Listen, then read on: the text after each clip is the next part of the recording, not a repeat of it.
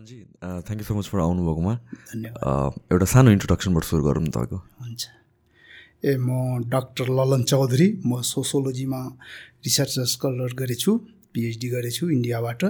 मेरो घर सप्तरी जिल्ला हो बर्मजिया भन्ने गाउँ पर्छ।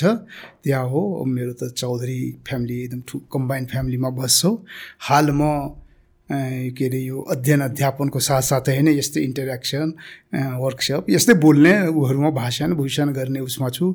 मेरो खास हबी भनेको पोलिटिक्स नै हो। पोलिटिक्स गरिराखेको तर दुईचोटि म चुनाव हारेछु इतफाकले योचोटि चुनाव लड्न सकिएन।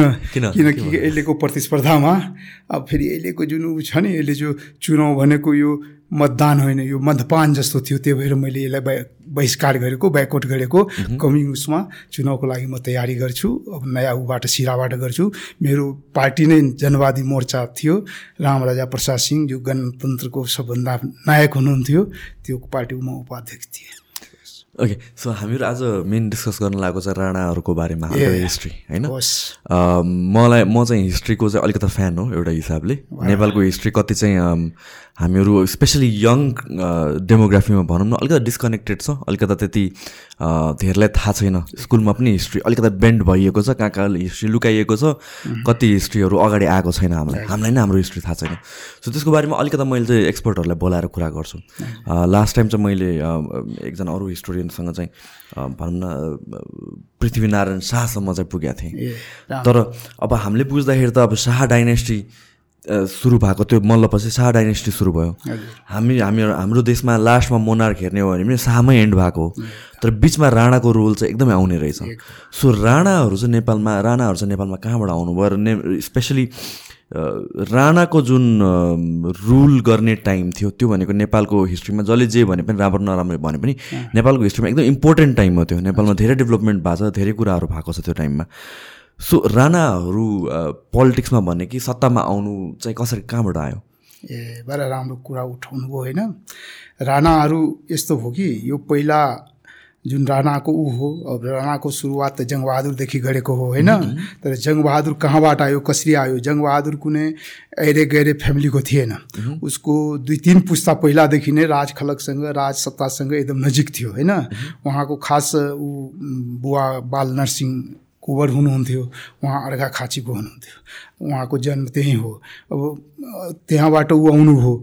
अनि उहाँ आएपछि र ऊ अर्घाखाँचीबाट उहाँको बुवा जब राजकाजमा होइन राजसत्ताको नजिक हुनुहुन्थ्यो रा दरबारको नजिक कुनै न कुनै पदमा राम्रै पदमा मतलब हैसियत भएको उसमा पदमा हुनुहुन्थ्यो। त्यसले गर्दा जङ्गबहादुर पनि अब प्ले गर्न पायो होइन? कसको रुलिङ बेलामा थियो त्यतिखेर चाहिँ? को थियो राजा? होइन त्यतिखेर रणबहादुरहरू थियो नि। रणबहादुर शाह पृथ्वीनारायण शाह पछि ऊहरू त्यो पछि उहाँ एकदम नजिक छ। पृथ्वीनारायण शाहको उहाँको पूर्व पूर्वजहरू पृथ्वीनारायण शाहको ऊबाट नै ऊ हुनुहुन्थ्यो पृथ्वीनारायण शाहलाई एकी नेपाल एकीकरण गरेको बेलामा उहाँको के अरे बु बाजेहरू एकदम सहयोग गर्नुभएको। अनि उहाँ पछि रणबहादुरहरूको समयमा तपाईँको बहादुर शाहहरूको समयमा उहाँ के अरे उहाँको बुवा बाल नरसिंह कुँवर होइन एकदम हर्ताकर्ता हुनुहुन्थ्यो।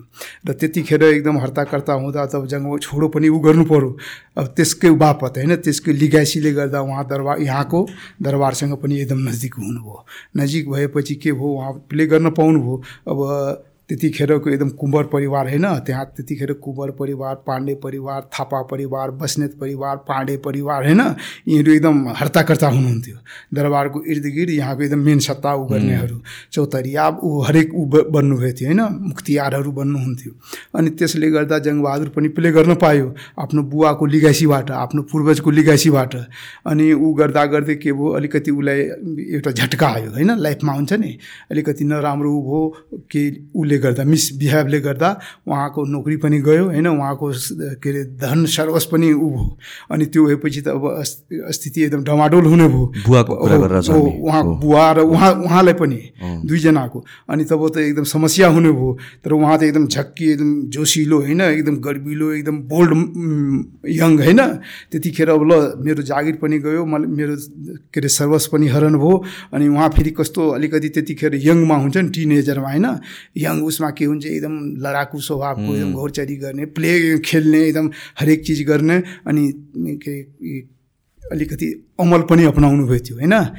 ट्वाट पनि चलाउनु हुन्थ्यो हो। त्यसले गर्दा के भयो उहाँको समस्या हुने भयो फेरि उहाँ तास र जुवा पनि खेल्नुहुन्थ्यो त्यसमा एकदम किनकि जुवा खेलेपछि जुवा र तासमा के हुन्छ आफ्नो भाग पनि अजमाइन्छ कि? हाम्रो गाउँतिर भन्छ कि जुवा खेलेर मात्र हुँदैन त्यो त भाग अजमाउने एउटा साधन हो। किनकि जुवामा जितेपछि आफ्नो भाग एकदम राम्रो हुन्छ भनेर पनि त्यस्तै हाम्रो जङ्गबहादुरले पनि त्यो अप्नाउनु भएको थियो। हो त्यसले गर्दा के भयो उहाँको स्थिति अलिक डमाडोल हो। तर पछि फेरि अलिकति हुन्छ नि सुधारिए सुधारेर उ गरेपछि उहाँलाई फेरि रिटर्न उसमा ल्याउनु भयो यो जोसिलो मान्छे हो राम्रो मान्छे हो यो देशको लागि काम लाग्ने मान्छे हो भनेर फेरि उहाँलाई अलिकति उसमा ल्यायो। हो त्यो गर्दा गर्दै उहाँ फेरि अलिकति आफ्नो बनाउनु भयो र फेरि यहाँ शासन सत्तामा हावी हुनुभयो ओके सो एकैचोटि अनि उहाँ चाहिँ कसरी टेक ओभर चाहिँ कसरी गर्नु ए हो। अब त्यहाँ के भएको ऊ त अब कुबर खलक होइन? अब एउटा खलक हुन्छ त्यहाँ। अब पाण्डे खलक कुबर खलक के अरे हरेक बस्नेत खलकहरू थियो त्यहाँ। अब सबै आफ्नो आफ्नो टिम आफ्नो आफ्नो के अरे ब्लक थियो त्यहाँ शक्ति केन्द्रहरू। अब त्यो शक्ति केन्द्रबाट उहाँ पनि खेल्नुहुन्थ्यो। त्यतिखेर भागले होइन? उहाँको मामा भीमसेनको उहाँ मामा भीमसेन थापा मामा हुनुहुन्थ्यो उहाँको र त्यसकै भए ऊ के अरे माथवर सिंह पछि आउनुभयो उसको उसमा आउँदा। जब जङ्गबहादुरको एकदम राम्रो भयो स्थिति अनि त्यतिखेर माथवर सिंह के अरे थापा प्रधानमन्त्री बन्नुभएको थियो। अब आफ्नो मामा नै ऊ भएपछि उहाँलाई सा एकदम ऊ ल अब त हाम्रो एकदम शान शौकत हुने भयो हामीले जे पनि गर्न सकिन्छ मजा मजासँग खेल्न सकिन्छ। त्यो आधारमा उहाँको फुर्ती आयो होइन? अब त्यसले गर्दा त्यतिखेर नै ऊ हुँदै के भयो कि त्यतिखेर जङ्गबहादुर ठुलो उसमा थिएन होइन? सानै ओहदाको मान्छे थियो तर ऊ एकदम एक्टिभ फुर्तिलो अनि चुस एकदम ट्याक्टिस खेल्ने होइन एकदम ऊ मिलाउन सक्ने अनि हरेक उसमा अगाडि हुनुहुन्थ्यो। त्यसले गर्दा ऊ अलिकति चल्ता पूर्जा मान्छेमा गिनिन्थ्यो। हो त्यस्तो मान्छेले जसले पनि एक्सेप्ट गर्छ ऊ गर्छ होइन तान्न खोज्छ। हो त्यसले गर्दा पछि त उसले मामालाई नै ऊ गरिदियो। अहिले इतिहासले ऊ गर्छ। माथवर सिंहलाई नै उहाँ सखाप गरिदिनु हो। जङ्गबहादुर जङ्गबहादुर राणाले। किनकि जङ्गबहादुरको आफ्नो चचेरा भए होइन उसलाई बचाउन सकेन। ऊ पनि एउटा ज के अरे सेनाको पदमा थियो। तर उसलाई बचाउन सकेन। उसलाई राजकाज के मुद्दा लगाएर उसलाई हत्या गरिदियो। होइन सरकारबाटै। अनि उसले ल तपाईँ प्रधानमन्त्री हुनुहुन्छ मामा तपाईँ त बचाउनु पर्छ मेरो भाइलाई दाइलाई अनि उसले बचाउन सकेन। अब त्यति त्यतिखेरको थियो। हामी कहाँ यस्तो हुँदैन यस्तो गरेपछि म माथि अब्जेक्सन आउँछ म माथि ऊ हुन्छ त्यही भएर म गर्न सक्दिनँ भनेर भनेपछि ल यसको बदला म लिन्छु दाइको बदला भनेर त्यतिखेर नै प्रण लिनुभएको थियो। हो अनि उहाँले ऊ के अरे त्यही निहु खोजेर अब उहाँलाई उ गर्नुभयो र त त्यतिखेर जुन क्ल्यास थियो नि सत्ताको सत्ताको एकदम क्ल्यास थियो अनि सत्ताको क्ल्यासले गर्दा एउटा टिम एकदम जगजगाउँदो टिम थियो होइन? त्यो गगन सिंहको टिम। अब गगन सिंहसँग जङ्गबहादुरको राम्रो मिल्थ्यो अनि ल गगन सिंहसँग युज गरेर यसलाई उ गरेर आफू अगाडि आउन सक्छ कि आफू सत्तामा हाबी हुन सकिन्छ कि भनेर गगन सिंहलाई पनि त्यही चाहिए थियो। माथवर सिंह भए त म अगाडि बढ्न सक्दिनँ। हो माथवर सिंह कसरी सफा पत्ता साफ गरिदिनँ अनि आफू आउने त्यो पदमा। हो त्यही भएर त्यो जङ्गबहादुरलाई युज गर्नुभयो र जङ्गबहादुर मार्फत त्यो घटना घटाइयो। यस्तो घटनाले के भयो त माथवर सिंहको सफाया भयो अनि माथवर सिंह सफाया भएपछि गगन सिंहको राम्रो आयो। त्यतिखेर फेरि के थियो यस्तो स्थिति दरबारमा होइन? त्यो दरबारमा यस्तो स्थिति थियो राजा कमजोर हुनुभयो। कमजोर थियो त्यतिखेर। राजा राजेन्द्र हुनुहुन्थ्यो उहाँ कमजोर हुनुहुन्थ्यो। रणबहादुरको छोरो के अरे उहाँ कमजोर हुनुहुन्थ्यो। तर उहाँको दुईवटा रानी थियो। होइन एउटा साम्राज्य लक्ष्मी देवी एउटा राजलक्ष्मी देवी। अब राजा पनि कमजोर। अब दुईवटा रानीको एकदम सौतेली कलह हुन्छ नि। अब तिनीहरूको एक एकवटा छोरा थियो। अब साम्राज्य लक्ष्मीले मेरो छोरो राज गर्नुपर्छ। सुरेन्द्रले त्यो चाहनुहुन्थ्यो र राज के अरे राजलक्ष्मीले मेरो छोरो रणेन्द्र राजा हुनुपर्छ र अबको एकदम सत्तामा हाबी हुनुपर्छ भन् चाहना थियो। अब त्यो क्ल्यासले गर्दा दुइटै सौतेली क्ल्यासले गर्दा त्यहाँ एकदम दरबारमा एकदम भइ भइसकेको थियो भाड भैलो भइराखेको थियो। हो। र त्यो रानीहरूको जुन राजा कमजोर र रानीहरूको चलखेलले गर्दा त्यहाँ के हो यहाँको जुन दरबारियाहरू थियो नि भारदारहरू थियो नि अर्दलीहरूमा गुट गुट बनेको थियो। र त्यहाँ पाण्डे गुटलाई साम्राज्य साम्राज्य लक्ष्मीले साथ पाउनुभएको थियो र थापा गुटको राजलक्ष्मीले पाउनुभएको थियो। हो त्यसले गर्दा तिनीहरूको बिचमा एकदम चरमचुलीमा क्ल्यास भयो होइन? तर दुर्भाग्यवश जेठी रानी साम्राज्य लक्ष्मीको मृत्यु भयो। अब मृत्यु भएपछि त सुरेन्द्र त्यतिकै कमजोर हुने भयो। तर राजलक्ष्मी त एकदम हुनुहुन्थ्यो। हो उसले थापालाई आफ्नो हातमा लिएर त्यो गगन सिंहलाई आफ्नो हातमा लिएर एकदम ऊ म अब आफ्नो छोरोलाई राजा बनाउँछु र उसले त्यतिखेर राजा कमजोर भएको हुनाले अख्तियारी होइन? राजाबाट अख्तियारी लिएर आफै सर्वे सर्वा राजा जस्तो उहाँ बन्नुभएको थियो। गगन सिंह। होइन? रानी। रानी, राजलक्ष्मी। अनि रानी त्यो सत्तामा एकदम हाबी भयो। अब त्यतिखेर उहाँको चुरी फुरी चल्थ्यो होइन? उसले जे चाहन्थ्यो त्यही हुन्थ्यो। हो त्यसले गर्दा होइन? अब एक दिन इतफाकले भन्नुहोस् न त्यो त्यतिखेर यिनीहरूको माथवरलाई उ गरेपछि होइन तपाईँको गगनलाई प्रधानमन्त्री बनाउन रानीले जोरबल गरिराखेको थियो। तर राजेन्द्रले राजाले रा के अरे यसलाई रा प्रधानमन्त्री बनाएन तपाईँ गगन सिंहलाई। सो फतेजङ चौतरियालाई बनाइदियो होइन? अब फतेजङ पनि एकदम ऊ अर्दली होइन? ऊ फेरि रानीको एकदम ऊ तर फतेजङलाई पनि मारिदियो यिनीहरू होइन? उ गरेर। अनि त्यो पछि के भयो?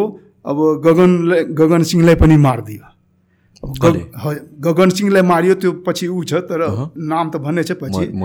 होइन मारियो काम मर्छ मारियो। मारियो। षड्यन्त्रै षड्यन्त्रको थियो नि त्यहाँ थापा बस्नेत के अरे पाण्डे होइन सबैको पाँडेहरूको एकदम ऊ थियो सब टिम टिममा ऊ थियो सब एकदम गुट उपगुटमा थियो राजाबाट रानीबाट होइन सुरेन्द्रबाट हरेक उपाबाट अनि त्यस त्यसले गर्दा अब के भयो गगन सिंहको त मृत्यु भयो। उसको आफ्नै कोठामा आफ्नै घरमा मारिदियो। अब मारेपछि त्यहाँ त समस्या हुने भयो होइन? गगन त्यतिखेर त्यो मन्त्री थियो। किनकि फतेजङ जुन प्रधानमन्त्री बनाएको थियो त्यसको मन्त्री गगन पनि थियो। र जङ्गबहादुर पनि थियो एउटा मन्त्री मन्त्री होइन? मन्त्रालय सम्हालेको। तर गगन एकदम पावरफुल ऊ थियो किनकि रानीसँग उसको प्रत्यक्ष राज राजलक्ष्मीसँग ऊ थियो अनि उसको कृपाले गर्दा गगन एकदम पावरफुल थियो होइन? अब गगनलाई मारिदिएपछि त समस्या हुने भयो अब यो मारेपछि होइन? ल गगनलाई गगन जस्तो मान्छेले गगनको हत्या हुनु यो त एकदम सरासर ऊ हो होइन? अब योभन्दा अन्य अत्याचार के हुन्छ र देशमा? योभन्दा अराजकता के हुन्छ भनेर उनीहरू एउटा रानीको आह्वानमा भारदार बैठक बोलायो। कोतमा त्यही कोत होइन? भारदार ऊ बैठक भयो। त्यो भारदार बैठकमा जुन भयो भारदार बैठकमा सबै के अरे भारदारहरू होइन? अर्दली भारदार त्यहाँको कर्मचारी जति सेनाको उहरू सब जम्मा भयो होइन?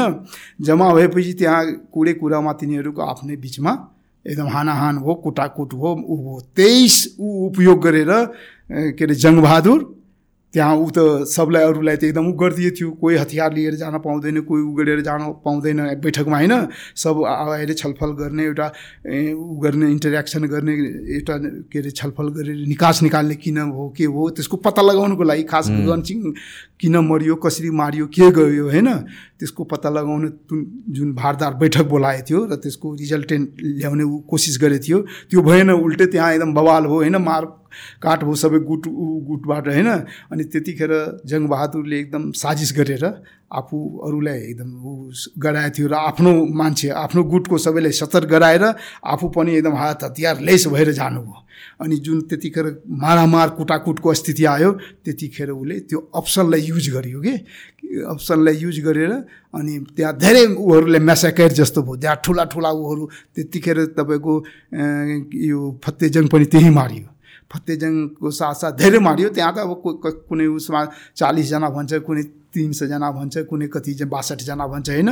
धेरैजना त्यहाँ मेन मेन तर हस्तीहरू जो विरोधी थियो तर जङ्गबहादुरले पनि त्यही उ गरिराखेको थियो। मेरो जुन भोलि मेरो अस्टेकल ऊ हुन्छ नि मेरो के अरे उसको लागि मेरो बाटोको जुन ऊ हुन्छ तगारो तिनीहरूलाई सबलाई त्यहाँ सखाप गरिदिए। त्यो सखाप गरेपछि राजा त राजेन्द्र हुनुहुन्थ्यो।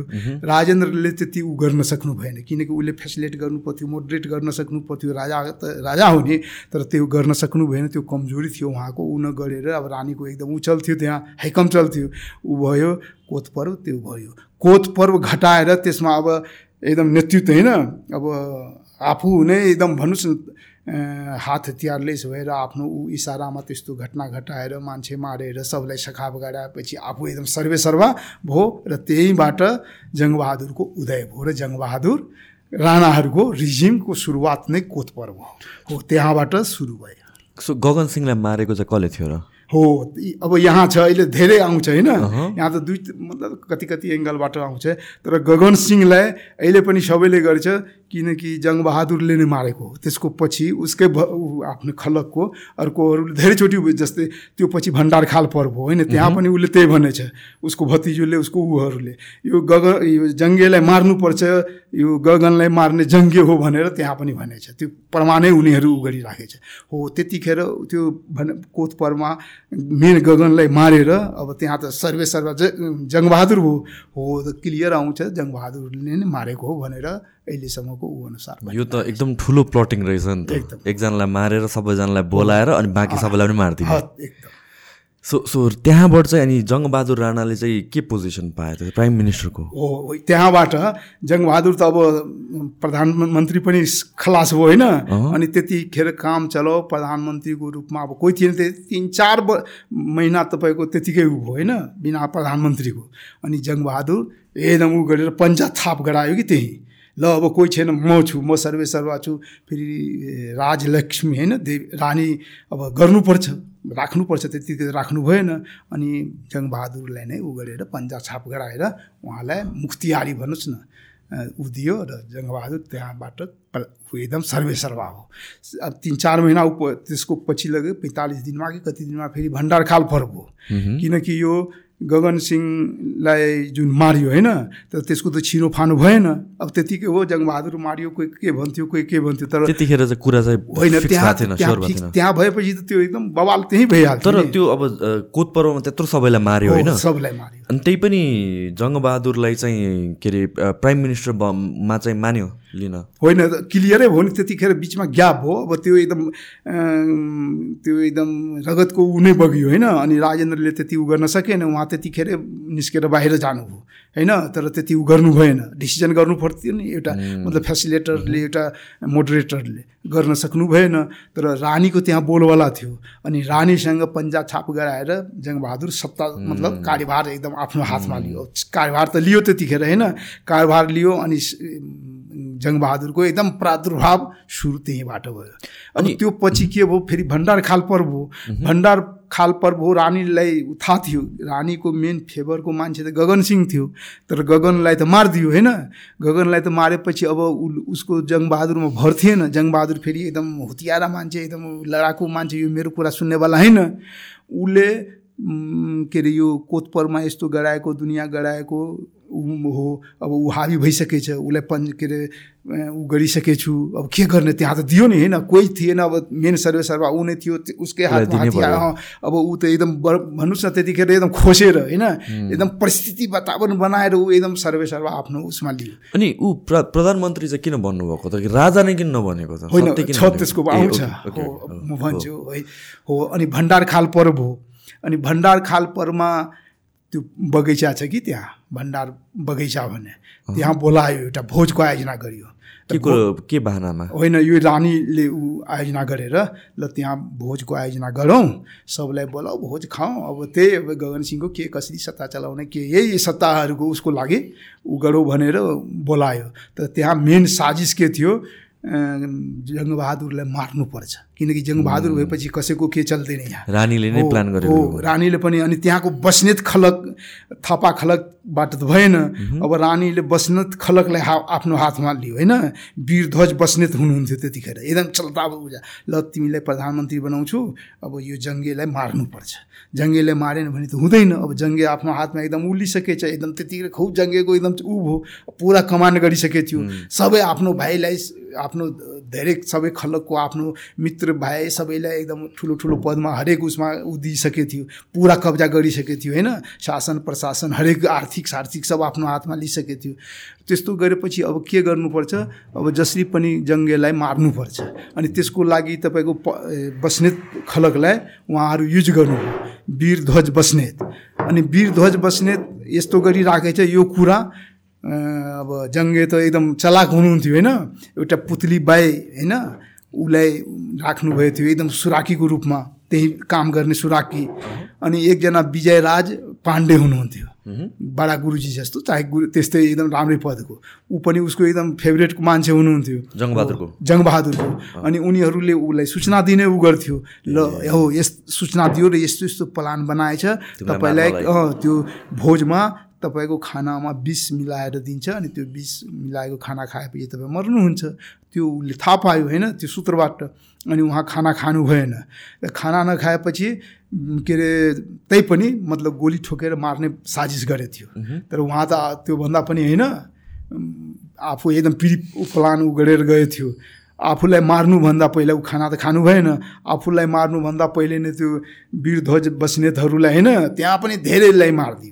जङ्गबहादुरले। किनकि त्योभन्दा राम्रो एकदम आफ्नो सेना ऊ बनाएर उसले गरेको थियो स त्यहाँ पनि धेरै मारियो। त्यो पनि एकदम खतरनाक मतलब एउटा भण्डार खाल पर्व हो कि? हो त्यस्तो हो। यस्तो गर्दा गर्दै होइन अब यो कोत पर्व भण्डार खाल पर्व गरेर एकदम ऊ गर्यो। अनि ऊ त शक्ति आफ्नो हातमा लियो। एकदम पावरफुल भयो। अनि तपाईँ जुन कुरा उठाउनु भयो नि। उहाँ के अरे राजा किन बन्नु भएन होइन महाराज महाराजको पनि क्लेम गर्नु ऊ गर्नुभयो। त्यतिखेर तपाईँको राजेन्द्र ए जब भण्डार खाल पर्व हो होइन कोत पर्व हो। अब यो कोत पर्व र भण्डार खाल पर्व को दोषी करार प्रधानमन्त्री जङ्गबहादुरले श्री तिनले के गर्यो? रानीलाई लगायो। अब रानीलाई यसको दोषी होइन योजनाकार बनाएपछि ऊ दोषी हुनुभयो। अब यसलाई मतलब यो राजकाजबाट हटाउने ऊ गर्यो र यसलाई इन्डिया जानुपर्छ भनेर राजकाज छोड्नुपर्छ जानुपर्छ नत्र हामी मारिदिन्छौँ जेलमा हाल्छौँ त्यस्तो भयो। अब ऊ छोडेर इन्डिया जानु रानी। रानी। अब इन्डिया गएपछि त राजा पनि जानु अब राजा त केही थिएन ऊ त एकदम उसको बे ऊ गरिसकेको थियो रानीलाई। अब रानी राजा ऊ के अरे इन्डिया गएपछि होइन अब राजा पनि जानु राजासँगै रानी सब अब जति धन सम्पत्ति दुनियाँदारी लिएर उहाँ जानु हो। अनि अब राजा त बनाउनु पर्यो। तर राजाको जुन रा- यो के अरे राजलक्ष्मीको जुन ध्येय थियो आफ्नो छोरालाई बनाउने त्यो त बनेन। जङ्गबहादुरको राम्रो कोसँग थियो सुरेन्द्रसँग। होइन? राजेन्द्रको जेठो छोरो जेठोपट्टिको ऊ छोरो अनि सुरेन्द्रलाई बनायो। ऊ पनि एकदम कमजोर राजा र कमजोर र फेरि ऊ जङ्गबहादुरको कुरा मान्ने राजा होइन? अब उसँग उसले जति तपाईँ भन्नुभयो नि जो महाराजके ऊ महाराज पनि ऊ लिए थियो त्यतिखेर। श्री तिन त्यतिखेर लिए थियो ऊ जङ्गबहादुर नामको लागि चाहिँ एकजना चाहिँ। सुरेन्द्रलाई। सुरेन्द्रलाई त्यहाँ राजा बनायो अनि रानी र राजेन्द्रलाई इन्डिया वनवास तर- तर सुरेन्द्रलाई चाहिँ राजा बनाएर राख्नु चाहिँ जरुरी थियो र ऊ के अरे जङ्गबहादुर नै मै राजा बन्छु भनेर चाहिँ किन भनेको त? यस्तो छ नि कहाँ त्यतिकै हुन्छ र? राजा त लिगेसी हुनु पर्यो नि त्यतिकै त ऊ त तपाईँ त एउटा कार्यकारी मतलब प्रधानमन्त्री कार्य ऊ चलाउने हो नि राज खलक ऊबाट आउनुपर्छ नि राज ऊबाट लिगेसी त हुनु पर्यो। राजा जनताहरू जनता विद्रोह। गर्छ फेरि। हो त्यो पनि कोसिस गरियो उसले। उसले सुरुमा के गरियो सिधै तिन बनायो होइन? अनि आफ्नै रोल क्रम आफ्नै भाइहरूलाई बनाउने ऊ पनि गरियो। अनि अर्को के गरियो ऊ महाराज थपियो होइन? महाराज पनि थपियो र राजा जस्तो होइन? हरेक चिज गर्न खोज्यो तर ब्रिटिसले मानेन। इन्टरनेसनल त सपोर्ट चाहिन्छ। राजा बन्न त्यतिकै हुँदैन। जसले पनि राजा त कहाँ बनाउँछ? होइन त्यो त वंशज ऊ आउनुपर्छ नि के अरे लिगाइसी हुनुपर्छ। त्यही भएर उसलाई बनाएन अनि के गर्यो? अलिक दिनको लागि प्रधानमन्त्री पनि छोडेर महाराजको ऊ भयो। अनि प्रधानमन्त्री श्री तिन महाराज भन्थ्यो नि उसलाई। हो त्यो महाराज थपाएको। हो त्यति मात्र होइन। त्यतिखेर त उसको एकदम चल्ती थियो। ऊ त कुबर खलकको होइन। अनि ऊ एकदम इन्डियासँग लिगाइसी जोडियो। महाराणा प्रतापसँग चित्तौरगढको रा ऊहरूसँग राजघराना एकदम राणा फ्यामिलीसँग। उनीहरूसँग सम्बन्ध जुडाएर पण्डित ऊहरूलाई लेखकहरूलाई होइन विद्वानहरूलाई ऊ बनाउन लेखाएर हिस्ट्री लेखाएर ऊ आफूलाई राणा खलक बनायो होइन। अनि सोध्न खोजेको। कुँवरबाट राणा किन भएको? होइन जब यो एकदम शक्तिको उन्मादमा होइन पावरफुल भएपछि त शान शौकत मान मर्यादा हरेक चिज हुनुपर्छ अब हामी कहाँ कुबर मात्र बन्ने होइन? हामी त ठुलो एकदम छत्री के अरे ठकुरी बन्नुपर्छ अनि उहाँ के गर्नुभयो? अब कुँवरसँग त यहाँ बिहेबारी चल्दैन यहाँ ठुला ठुलासँग ऊ हुँदैन। अनि उहाँ इन्डियाको ऊहरूसँग चित्तौरगढको महाराणा प्रतापसँग उहाँ जोड्नुभयो। र त्यो एउटा वंशावली जेनियोलोजी भन्छ नि त्यो बनाउनु भयो र हामी पनि इन्डि ऊ राणा हो हामी पनि ठकुरी खलकको हो हामी पनि एकदम उच्च खलकको ऊ हो वंशज हो। त्यो बनाएर ऊ गराएर लिखतम बनाएर आ, ल्याउनु भयो त्यो बनाएर यहाँ उहाँ महाराजको पदवी पनि लिनुभयो। अनि अलिक दिन त ऊ म त रा एकदम महाराजा ऊ नै बन्छु। तर ब्रिटिसहरूले मानेन इन्टरनेसनल सपोर्ट भएन। इन्डियाले पनि मानेन ब्रिटिसको उहरू होइन? कहाँ हुन्छ तिमी त प्रधानमन्त्री हो ऊ हो होइन? मानेन। अनि के भयो? अनि उहाँ त्यतिसम्म ऊ गर्नुभयो। र त्यो गरेपछि त्यति मात्रै होइन उहाँ अब ठकुरी राणा बनेपछि त अब राणा बनेपछि त उहाँ अब एकदम ठकुरी उच्च उसको भयो। अनि के गर्नुभयो? उहाँ वैवाहिक सम्बन्ध यो शाह राजाहरूको उसँग पनि वैवाहिक सम्बन्ध जोड्नुभयो र वैवाहिक सम्बन्ध जोडेपछि त अब इक्वली उ भइहाल्यो होइन। अब त शाह वंश र हामी त एउटै ऊ हो भनेर एकदम ऊ गर्नुभयो र त्यो आधारमा त्यो आफ्नो हरेक सान शौकत मान मर्यादा सत्ता भत्ता हरेक चिजमा हाबी हुनुभयो र त्यो लेभल गेन गर्नुभयो सो राजा नभए पनि राजाको बराबर नै भित्रबाट चाहिँ पोलिटिकली चाहिँ ऊ छिर्नुभयो पावर चाहिँ त्यो भयो। सो अब राणामा पनि अब जङ्गबहादुर राणा र शमशेर राणा चाहिँ कहाँबाट यो दुइटा चाहिँ कसरी छुटेर आयो त? त्यही त अब राणा खलक होइन। हो। यो जङ्गबहादुरको खलक हुन्छ नि आफ्नो लिगेसी उहाँ जुन मतलब आफ्नो वंशज थियो आफ्नो के अरे थाक वंश हुन्छ नि त जङ्गबहादुरको थाक वंश र शमशेरको थाक वंश फेरि त्यहाँ छुटेछ।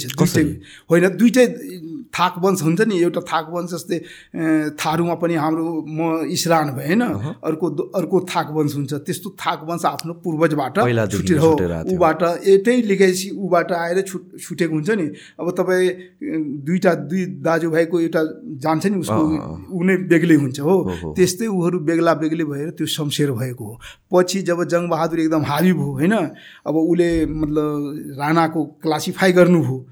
तर राणाहरू कसरी उ गर्ने कसरी शासन सत्तामा एकदम टिकिरहने कसरी सत्ताको मतलब अख्तियार गरिराख्ने भनेर जङ्गबहादुरले जुन बनाउनु भयो पहिला हामी गर्ने मतलब उसको एक एक ग्रेडको भाइहरूले गर्ने अनि पछि छोरोको लाइन आउँछ अनि पछि भतिजोको आउँछ त्यो आधारमा गर्नुभएको थियो। त्यसले गर्दा के भयो शमशेर खलकहरू ऊ नै भयो किनकि अब हामी यहाँ यो अहिले उ गरेन भने जब जङ्गबहादुरको मृत्यु भयो होइन पत्थरघट्टामा मृत्यु भयो पर्साको उसमा। पत्थरघट्टामा जब मृत्यु भयो जङ्गबहादुर कसरी मृत्यु भएको चाहिँ कसरी? होइन अब त्यो त एकदम अलिकति ऊ नै छ सस्पेन्समै राखेछ किनकि अहिलेसम्म क्लियर ऊ आएको छैन। अब कोही भन्छ उसले त सपना देख्यो र सेतो बाघ होइन? अब सेतो बाघ देख्नु र एकदम ऊ जस्तो भो के हो होइन? त्यो त एउटा देवीय ईश्वरीय ऊ ऊ हो। फेरि कसैले भन्छ होइन गोली ऊ गरेर उसलाई हानेछ त्यहीँ। अब त्यस्तो सस्पेन्सकै उसमा छ। अहिलेसम्म क्लियर क्लियर भए छैन। हो त्यस्तो भयो। जब जङ्गबहादुरको अवसान भयो होइन तर एउटा कुरा जङ्गबहादुर त्यतिखेर ऊ हुँदा त जङ्गबहादुर निरङ्कुश एकदम जानिया हरेक ऊ थियो होइन तानासा चाहे जे भन्नुहोस् होइन तर उसले सामाजिक ऊ पनि राम्रो गर्नुभयो। देश विकास समाजमा ऊ गर्ने अन्तर्राष्ट्रिय सम्बन्ध हरेक चिज गर्नुभयो नि। जस्तै ब्रिटिससँग त राम्रो ऊ गर्नुभएको थियो। हो त्यतिखेर भन्छ नि हामी इतिहासबाट सिक्नुपर्छ होइन? इतिहास पढ्नुपर्छ इतिहास सिक्नुपर्छ तपाईँ पढ्नु भएन इतिहास जानेन सिकिएन भने इतिहासले के भन्दैन तर इतिहास सजाइदिन्छ। हो त्यही भएर त्यो सिक्नुपर्छ। जङ्गबहादुरबाट त्यो राणा रिजिमबाट सिक्नुपर्छ। उसले त एकतन्त्रीय दुनियाँ गर्यो तर उसले देशको लागि होइन नेपाल बनाउनको लागि नेपाललाई एकदम शाश्वत एकदम समृद्ध लागि ए, ब्रिटिससँग धेरै ऊ पनि गर्नुभयो। ब्रिटिससँग पनि राम्रो रिलेसन भएको त यो सिखसँगको वार कि मुगलसँगको वारमा हेल्प गरेर हो यो त तपाईँको लखनऊको विद्रोह हो नि। सिपाही विद्रोह त्यतिखेर इन्डियामा लखनऊमा सिपाही विद्रोह हो। सिपाही विद्रोह गरेर तपाईँको अङ्ग्रेजहरूलाई हटाउने ऊ गर्यो। त्यसमा अङ्ग्रेजहरूको रिक्वेस्टमा जङ्गबहादुरले आफै गएर होइन एकदम सेना लगेर त्यसलाई दबाउने काम गर्नुभयो र ब्रिटिसले त्यहाँ जिता जिताउने काम भयो त्यसको बापत ब्रिटिसहरूसँग राम्रो रिलेसन त्यसको बापत तपाईँको हाम्रो जुन अहिले नयाँ मुलुक भन्छ नि बाँके बर्दिया कैलाली कञ्चनपुर त्यो फिर्ता दिएछ। सो त्यसरी चाहिँ ब्रिटिसहरूको पनि सपोर्ट आउनु थाल्यो। अनि त्यो गरेपछि त एकदम सपोर्ट हो नि सुरुदेखि नै सपोर्ट हो। यो त एकदम जल्दा बल्दा मान्छे हो यसले राम्रो काम गरिरहेको छ योसँग ऊ हो। फेरि उसलाई थाहा थियो कि डुवेल लेभल स्टेटमेन्ट भन्छ नि डुवेल पोलिसी जङ्गबहादुरको एकदम डुवेल पोलिसी थियो। जस्तो कि हो जस्तै मतलब ब्रिटिसलाई पनि एकदम राम्रो उ गर्ने ब्रिटिससँग राम्रो एकदम सम्बन्ध राख्ने। तर आफ्नो देशलाई पनि न उ गर्ने देशलाई पनि बर्बाद नगर्ने गर्ने। हो ब्यालेन्स गरेर देशलाई कसरी फाइदा हुन्छ आफ्नो जनतालाई कसरी फाइदा हुन्छ त्यो पनि गर्ने ऊ एकदम प्रमुख मुद्दा त्यो राख्नुहुन्थ्यो। तर उहाँलाई पनि के सहयोग गर्नुहुन्थ्यो उहाँहरू चाहिँ किनकि ऊ त धनी एकदम पैसावाल ब्रिटिस होइन उसँग त लिनुपर्छ अङ्ग्रेजसँग लिनुपर्छ। तर त्यो लिएको बापत उसको खालि चाकरी गर्ने होइन। आफ्नो देश र उसलाई समृद्ध र सेवा पनि गर्नुपर्छ। त्यो हिसाबले उहाँ डुवेल स्टेट ऊ गर्नुभएको थियो। त्यो एकदम राम्रो हो नि उसको पक्षमा। अहिले जस्तो होइन अहिले त हामी पुरै हन्ड्रेड पर्सेन्ट एकदम लम्पसारवादी भएछौँ होइन देशी विदेशी शक्तिको। हो त्यस्तो होइन उहाँ त्यो गर्नुभएको थियो त्यो एकदम राम्रो पक्ष हो उहाँको कि। अब त्यो गरेर तपाईँको ब्रिटिससँग एकदम गरेर ब्रिटिस गएर पनि त्यहाँको त्यतिखेरको शिक्षा दीक्षा हरेक चिज स्वास्थ्य र यो इन्फ्रास्ट्रक्चरको अनुभव गरेर उहाँ यहाँ आएर यहाँ पनि एकदम सुरु गर्नुभयो। त्यो चाहिँ राम्रो पक्ष हो नि। धेरै कुरा यहाँ गर्नुभयो। शिक्षामा पनि हरेक ऊ गर्नुभयो कृषिमा पनि हरेक ऊ गर्नुभयो इन्फ्रास्ट्रक्चर एकदम राम्रो विकास गर्ने ऊ गर्नुभयो उद्योग धन्दाको पनि थाल्ने गर्नुभयो हो त्यो राम्रो हो जस्तै अब धेरै राणा उसमा पनि होइन? अब धेरै दास प्रथा सती प्रथाहरू थियो यिनीहरूलाई उन्मूलन गर्नुभयो यो त एकदम राम्रो हो नि हो। जस्तै ऊहरू बनाएर धेरै नियम कानुन गर्नुभयो नयाँ नयाँ पद्धतिबाट देश कसरी सञ्चालन गर्ने राजसत्ता कसरी गर्ने हामी भन्छौँ नि इतिहास यो विगतको मात्र होइन विगतबाट वर्तमानमा कसरी गर्न सकिन्छ र भविष्य कसरी सुनौलो बनाउन सकिन्छ त्यो आधारको ऊ गर्नुभएको थियो र त्योबाट हामीले पनि सिक्नुपर्छ जस्तो मलाई लाग्छ। सो के अरे राणाहरूको मेन क्रिटिसिजम चाहिँ के थियो? मान्छेहरूले अब अहिले पनि हिस्ट्रीमा हेर्दाखेरि कति कतिजनाले राम्रो भन्छ कतिजनाले नराम्रो भन्छ। नराम्रो भन्ने पार्ट चाहिँ के कारणले हो होइन अब सबभन्दा पहिला अब तपाईँ थाहै छ होइन राज सत्ता थियो होइन। राजामा पहिला त दरबारमै एकदम राज परिवारमै एकदम कलह थियो होइन। अब त्यो कलहलाई यिनीहरू फाइदा लिनुभयो। अनि त्यत्रो मेसाकायर गर्नुभयो होइन त्यत्रो ठुलो ठुलो पदको मान्छेहरूलाई सबले मारेर उ गरेर आफू मात्रै उ गर्नुभयो त्यो त एकदम गलत हो नि। त्यस्तो मेसाकायर गरेर खुनको धारा बगाएर तपाईँ राजसत्ता गर्नुहुन्छ त्यो एकदम सरासर मानवीय उसबाट एकदम ह्युमेनिस्टिक उबाट त एकदम सरासर गलत हो नि त्यो एकदम त्यसको क्रिटिसिजमको ऊ हो र एकतन्त्रीय जहानिया शासन होइन? त्यतिखेर मैले धेरैले भन्छ नि साथीहरू के अरे इतिहास के अरे मान्छेले जङ्गबहादुरले इतिहास बनाएन। इतिहासले जङ्गबहादुर बनायो कि? त्यतिखेरको आवश्यकता त्यस्तो थियो। अब त्यतिखेर तपाईँ एकदम इक्वल भन्नु इक्वल थो थोरै हुन्थ्यो र अहिले जस्तो इक्विटी त हुँदैन थियो। त्यतिखेर इक्वल पनि थिएन होइन? अब राणाहरू जस्तै शिक्षामा आफ्नो लागि स्कुल बनाउँथ्यो आफ्नो पढ्नको लागि गर्थ्यो अरूलाई पढाइबाट वञ्चित गरेको थियो होइन? सान शौकत मान मर्यादा राज साम दाम दण्ड भेद सब आफ्नो लागि युज गर्थ्यो। अरूलाई खालि दण्ड भेद गर्थ्यो होइन? अरूलाई सजाय दिन्थ्यो ऊ गर्थ्यो। तपाईँलाई कमैया कमलहरी दुनियाँ बनाएर खालि उपार्जन गर्ने काम एउटा टुल्स बना बनाउँथ्यो आम जनतालाई। र शासन सत्ताको मौज गर्ने त उहाँहरू नै हुनुहुन्थ्यो। हो त्यस्तो गरेर त्यो त एकदम एकदम घोर क्रिटिसिजम हो नि उनीहरू। हो। त्यो जहानिया शासन एकतन्त्रीय शासन जनतालाई कमाडा बनाएर राख्ने शासन थियो त्यही भएर त्यो त एकदम त्यो त्यो बेलाको कुरा हिस्ट्री हेर्ने हो भने त पहिला त जुन पनि देशको जहाँको पनि हिस्ट्री हेर्ने हो भने त्यस्तै नै छ। एउटा रुलिङ क्लास छ अनि वर्किङ क्लास छ। त्यसरी डिभाइड नै भएको छ। सो त्यो भनेको त्यस्तो डिफ्रेन्ट त होइन अरू ठाउँभन्दा त कम्पेयर होइन त्यो त एकदम सही हो। स्टेट सारा दुनियाँको कहीँको होइन। स्टेट जुन हुन्छ त्यो शासक हुन्छ। शोषण गर्छ दमन गर्छ अत्याचार गर्छ ऊ गर्छ। अब रामराज जस्तो त हुँदैन होइन? त्यो रामचरित मानसमा होइन? त्यो रामायणमा छ त्यो रा के अरे दशरथको राज रामको राज त्यहाँ रामराज थियो। तर त्यो त अहिले हुँदैन। यो कलयुगमा हामी हामी त कलयुग हौ नि। कलयुग कहाँ हो? कलयुगमा त त्यो हामी रामराजको कल्पना पनि गर्न सक्दैन। अस्ट्रेटले गर्छ हो तर रचनात्मक गर्नुपर्छ होइन? त्यो गरेर पनि के अरे जनताको सुख सुविधा समृद्धि विकास ऊ गरे राम्रो हुन्छ। मानवीय मूल्य मान्यता सामाजिक न्याय गरे राम्रो हुन्छ नि। सो जङ्गबहादुर राणापछि चाहिँ कसरी कन्टिन्यू भयो राणाको रेजिम नेपाल हो जङ्गबहादुर भयो अब जङ्गबहादुर त मर्यो होइन तर उसले त हरेक चिज बनाइदिए थियो। किनकि ट्रेनको पटरी बनाइदिएपछि त चल्छ होइन। त्यो कोथ पर्व भण्डार खाल पर्व र औलो पर्व एउटा औलो पर्व छुटेछ होइन? औलो जब राजा रानी राजलक्ष्मीलाई र राजेन्द्र इन्डिया गयो होइन? अब इन्डिया गएपछि उसलाई त अब यहाँबाट बेदखल गरिदियो उसलाई। इन्डिया गएपछि त राजेन्द्रलाई फेरि अरू भारदारहरू उसको पक्षको भारदारहरू बनारसमा गएर होइन राजा अब यो त एकदम तपाईँ उठ्नुपर्छ जाग्नुपर्छ एकदम कसेर ऊ गर्नुपर्छ पुरा राजगद्दीमा ऊ गर्नुपर्छ। त्यो सुरेन्द्र एकदम खत्तम छ ऊ छ होइन? अब त्यो भनेर जङ्गबहादुरको एकदम बिगबिगी छ अब त्यसलाई जसरी पनि गर्नुपर्छ। अनि त्यो भएर उहाँ शक्ति सञ्चय गरेर बनारसबाट मा सन्- शक्ति सञ्चय गर्नुभयो।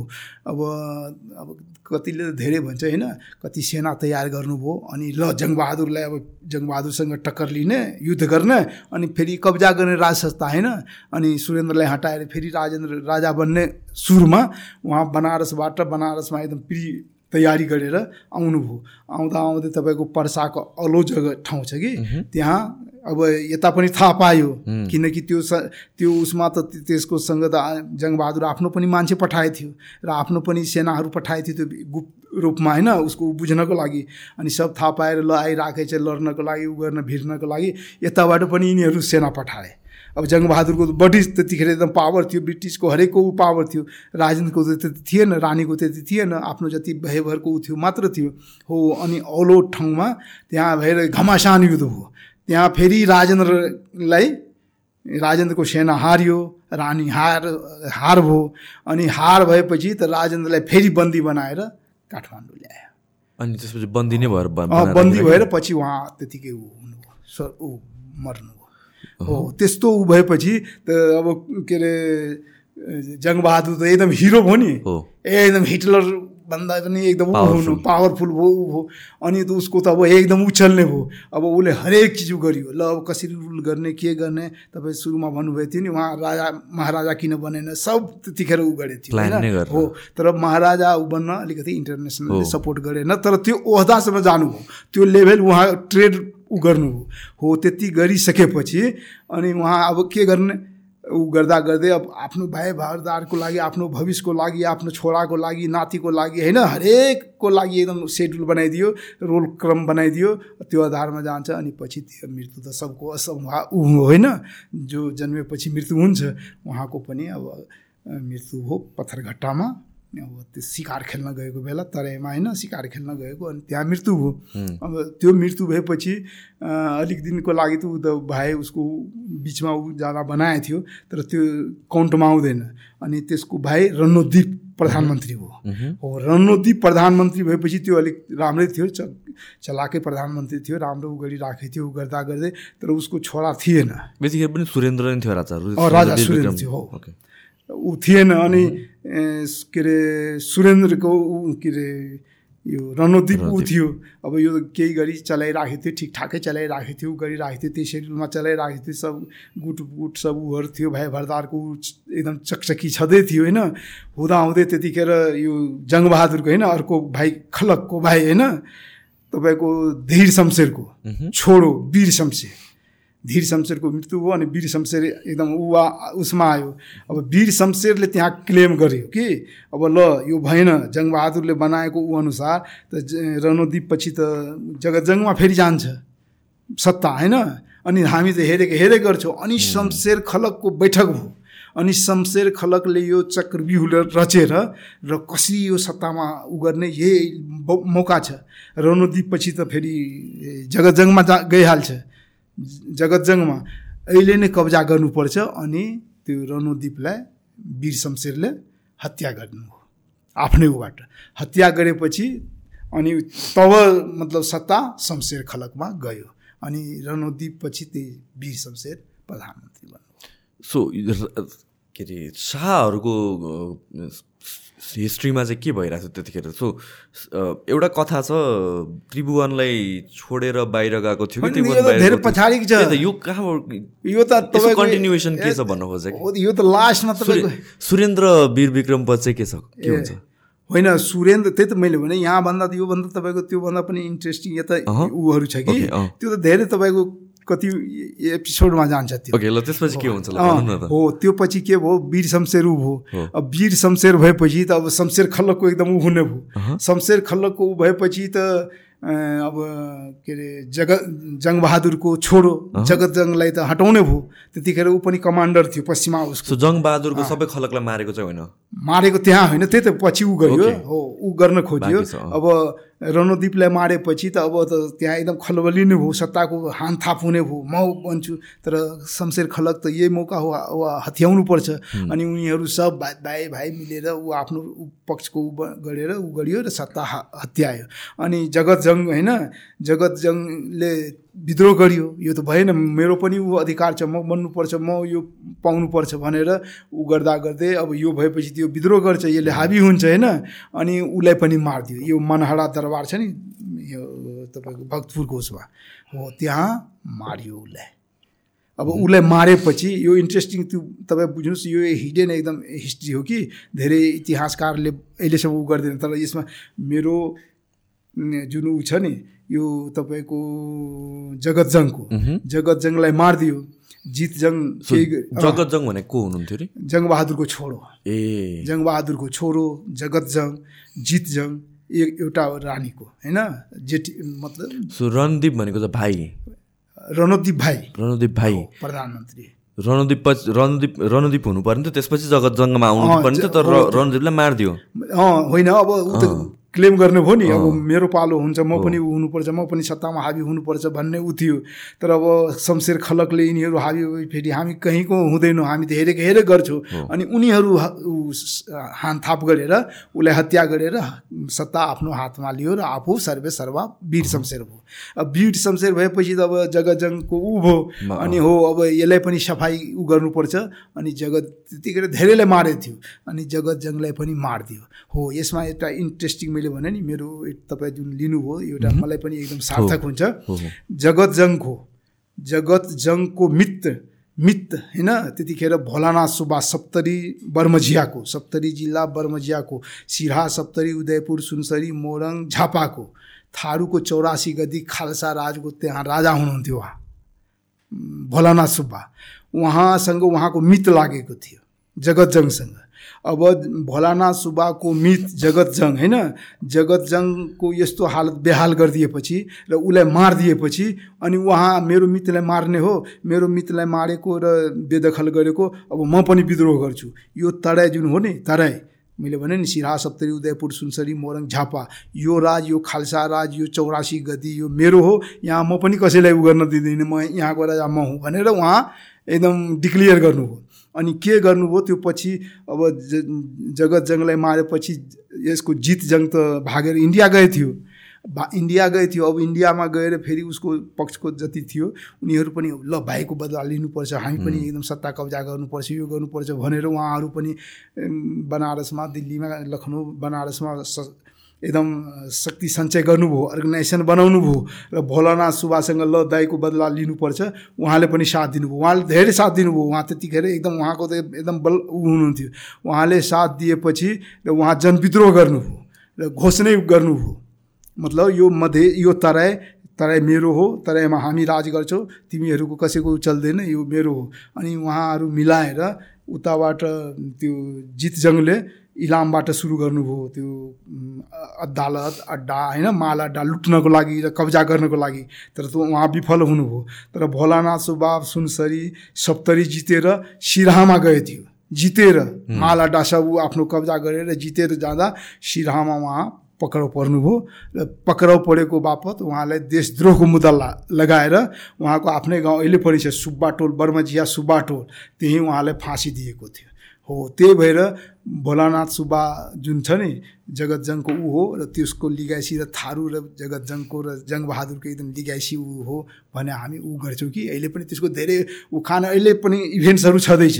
मसँग मेरो परिवारको त्यो भोलानाथ सुब्बा ऊ त्यसैको म नाति पनाति खा नाति हुँ। हामीसँग छत्तिसवटा लालमोहर छ। कसरी राज चलाउँथ्यो कसरी जज गरिन्थ्यो कसरी सेना ऊ गर्थ्यो कसरी शादी बिहा गर्थ्यो कसरी जजमेन्ट गरिन्थ्यो हरेक चिज ऊ गरेर छत्तिसवटा लालमोहर कुटमेर अमेरिकन एउटा राइटरले रिसर्च गरेछ सत्र वर्ष लगाएर कुटमेर। उसले भनेछ नेपालमा सबभन्दा बोनाफाइट त्यही सप्तरी बर्मजियाको भोलानाथ सुब्बा थारूको ऊ हो जो छत्तिसवटा लालमोहर प्राप्त गरेछ। कुनै वंशज कुनै थाक थलो कुनै परिवार यति लालमोहर प्राप्त गरेको छैन यहाँ। हो त्यही परिवारको हो र तपाईँ जुन राम्रो ऊ गर्नुभयो एकदम हिडेन ऊ थियो मलाई पनि एकदम ऊ गर्न गर्न दिनुभयो। किनकि भोलानाथ र जगत जङ जितजङको जुन मित्रता थियो र उसको बन्धुत्व थियो र एकदम फ्रेन्डसिप थियो त्यो एकदम राम्रो थियो राम्रो थियो। लालमोहर भनेको चाहिँ कस्तो के हो? लालमोहर भनेको राजाबाट होइन कुनै काम गरेको उसमा स्वीकृति दिएर एकदम अफिसियल स्ट्याम्प एकदम अफिसियल स्ट्याम्प दिएर त अधिकारै दिन्थ्यो। जस्तै हाम्रो एउटा मुगलानबाट रेती पर्जा मगाई खालसा राज गुल्जार गर्ने। त्यो एकदम बाकायदा ऊ छ। पहिला त नेपालमा ऊ थिएन औलोको होइन ऊ थियो मलेरिया थियो ऊ प ऊ गर्न ऊ थिएन अविकसित थियो अनि त्यहाँ राजकाज चलाउन त मान्छे चाहिन्थ्यो। हो अनि मुगलानबाट नेपालको पारी उता इन्डियालाई हामी मुगलान भन्छौँ कि उतातिर। हो उताबाट मान्छेहरू ल्याएर राजकाज चलाउनु पर्छ। हो त्यस्तो। यहाँ चाहिँ नेपालमा त्यतिखेर मान्छेहरू थिएन। एकदम कम थियो कम थियो। ऊ थियो। कहाँ टेक्निक हरेक ऊबाट थिएन होइन त्यस्तो त्यस्तो गरेर सञ्चालन गर्थ्यो। सो शमशेर राणाको अब हेर्दा चाहिँ शमशेर राणाको चाहिँ कन्टिन्युएसन कसरी भयो त्यसपछि हो शमशेर राणाको अब वीर शमशेरको त भयो होइन? अब वीर शमशेर पछि अब ऊ पनि राम्रो काम गर्यो ऊ पनि अलिक ऊ नै थियो होइन? त्यति अब सब त्यस्तै त्यस्तै ऊ गर्थ्यो अनि वीर शमशेर पछि देव शमशेर आयो उसकै खलकको होइन? सुरेन्द्र पछि चाहिँ को आयो? हजुर। सुरेन्द्र त्यतिखेर पनि होइन राजा सुरेन्द्र थियो होइन? राजा त सुरेन्द्र थियो अनि त्यसपछि के अरे पृथ्वीवीर विक्रम शाहदेव आयो होइन? सुरेन्द्रपछि त्यो राजा राजाको त्यो सिल सिलसिला आफ्नो आउँथ्यो र यहाँ राणा रिजिमको आफ्नो आउँथ्यो होइन? अब त्यो चल्थ्यो। त्यतिखेर तपाईँ भोलानाथ सुब्बालाई मैले भने नि। वीर शमशेर प्रधानमन्त्री भएको बेला अब उसको दुश्मन जगतजङ थियो होइन? अब त्यसको दोस्त मित्र भोलानाथ सुब्बा थियो र यसले दोष देशद्रोह गरेछ भनेर मुद्दा लगाएर राजा के अरे राजाबाट स्वीकृति गरेर पृथ्वी वीर विक्रम शाहबाट अनि उसलाई फाँसी दिए थियो। हो अनि वीर शमशेरको जुन ऊ आयो वीर शमशेर पछि अब तपाईँको उसले पनि कतिसम्म ऊ गरियो राम्रै शासन गरियो उसले पनि एकदम ऊ पनि अस्ट्रङ मान्छे थियो। किनकि रणदीपलाई मारेर र एकदम सत्ता कब्जा गरेपछि त अस्ट्रङै हुन्छ। हो अब ऊ गरियो र पछि उहाँको पनि ऊ हो र त्यो पछि देव देव शमशेरको पालो आयो। देव शमशेरको पालो आयो त्यो पछि फेरि तपाईँको चन्द्र शमशेरको आयो। त्यसमा चन्द्र शमशेर पनि एकदम खुनखार हो चन्द्र शमशेरको नाम चाहिँ सुनेको छु हो त्यो खतरा थियो त्यो पनि राम्रो गरियो उसले पनि राम्रो चलाएछ। त्यो पनि पच्चिस कि कति वर्षसम्म राज चलाएछ। त्यो पनि एकदम राम्रोसँग चलायो उसले धेरै सुधार पनि गरियो सारा इन्टरनेसनल ब्रिटिससँग पनि राम्रो ऊ गरियो धेरै उहरू गरियो उसले जस्तै त्रिचन्द कलेजहरू होइन त्यस्तोहरू धेरै गरियो तपाईँको हाम्रै गाउँमा अहिले पनि चन्द्रनहर डिभिजन छ। एकदम स नेपालको सबभन्दा ऊ सिँचाइ केनाल बनाएछ त्यो हाम्रै गाउँमा छ। त्यसको हेड अफिसै त्यही थियो। अहिले ऊ गरेर राजविराज साडे छ। हो त्यस्तो त्यस्तो गरेर काम गरेछ। अब चन्द्र शमशेर पछि तपाईँको भीम शमशेर आयो। भीम शमशेर पनि अब आफ्नो आफ्नो कति कति ऊ हुन्थ्यो। तर फेरि राणाहरूमा पनि भाइ भाइमा एकदम ऊ हुन्थ्यो। अब आफ्नै उसलाई दिनुपर्छ फेरि ऊ गर्थ्यो क्लेम गर्थ्यो कसैले मतलब त्याग पनि गरेको थियो सेक्रिफाइस पनि गरिदियो होइन? गर्दा गर्दै दुई वर्ष तिन वर्ष गरेर फेरि अर्को भाइलाई दिने पनि गर गर्थ्यो कसैले त गरेन होइन? त्यो गरेर भीम के अरे भीम शमशेर को उसमा आयो। ऊ पनि केही सुधारको राम्रै राम्रै काम गर्यो। अनि त्यो पछि तपाईँको युद्ध शमशेर हो। अब युद्ध शमशेरको बेलामा नै तपाईँको यो के अरे विराटनगर जुट मिलहरू छ नि? विराट जुट मिल्सहरू त्यतिखेर गरियो। धेरै अरू सुधारको कामहरू गरियो। शिक्षा कलेजहरू पनि धेरै ऊ गरियो। जस्तै वीर शमशेरले वीर हस्पिटलको ऊ नै गरियो। वीर हस्पिटल जस्ता होइन सबैलाई सबै ऊ गर्नुपर्छ भनेर बनाएर ऊ गरेको थियो। वीर शमशेर पछि के अरे तपाईँको जुद्ध शमशेर पछि पद्म शमशेर आयो। हो पद्म शमशेर पछि अनि मोहन शमशेर आयो। अनि यतिखेरसम्म सबै शाह राजाहरू चाहिँ कमजोर नै थियो त्यसपछि। कमजोरै थियो। राजालाई त यिनीहरू त जङ्गबहादुरले त्योभन्दा पहिला होइन। र पृथ्वीनारायण शाह त एकदम होइन त्यतिखेर त पृथ्वीनारायण शाह पछि राजाहरू कमजोर हो रणबहादुरले राम्रै ऊ गरिराखेको थियो। रणबहादुरसम्म त ठिक थियो तर राजेन्द्र ऊ आउँदा राजेन्द्र अलिक कमजोर विक राजा हुनुभयो। त्यसलाई विक राजा अलिक ऊ पनि भन्छ होइन। र ऊ रानीहरूको जुन चल्खे र फेरि के भयो कि अब सानै उमेरमा राजा बनाइदिने। किनकि अब ऊ मरिसकेछ अब छोरालाई बनाउनु छ अब छोरा एकदम कमजोर छ। उसलाई केही थाहै छैन। त्यसले गर्दा र रानीहरूको त्यो सौतेली उसले गर्दा हो। त्यसले गर्दा त्यो राजकाज र यो राजनीतिक एकदम भद्रगोल भयो र त्यो मतलब राज परिवारको जुन ऊ थियो नि लिगेसी त्यो एकदम कमजोर हुन गयो र त्यो प्रशासन एडमिनिस्ट्रेसन कमजोर भयो अनि राणाहरू हाबी भएको भए गर्थे हुँ, सो सो राजेन्द्र पछि चाहिँ हाम्रो सुरेन्द्र भयो सुरेन्द्र पछि पृथ्वी शाह भयो। हजुर। त्यसपछि को थियो? पृथ्वी शाहपछि त हाम्रो आयो नि अब तपाईँ यो के अरे? महेन्द्र। होइन त्रिभुवन। त्रिभुवन त्रिभुवन। हो सो त्रिभुवनको यो कथा के हो? त्रिभुवनको त यो सानो तपाईँ हुँदाखेरि। अँ सानो हुँदाखेरि यो त क्लियर चाहिँ यो त सबलाई थाहा भएको कुरो हो होइन?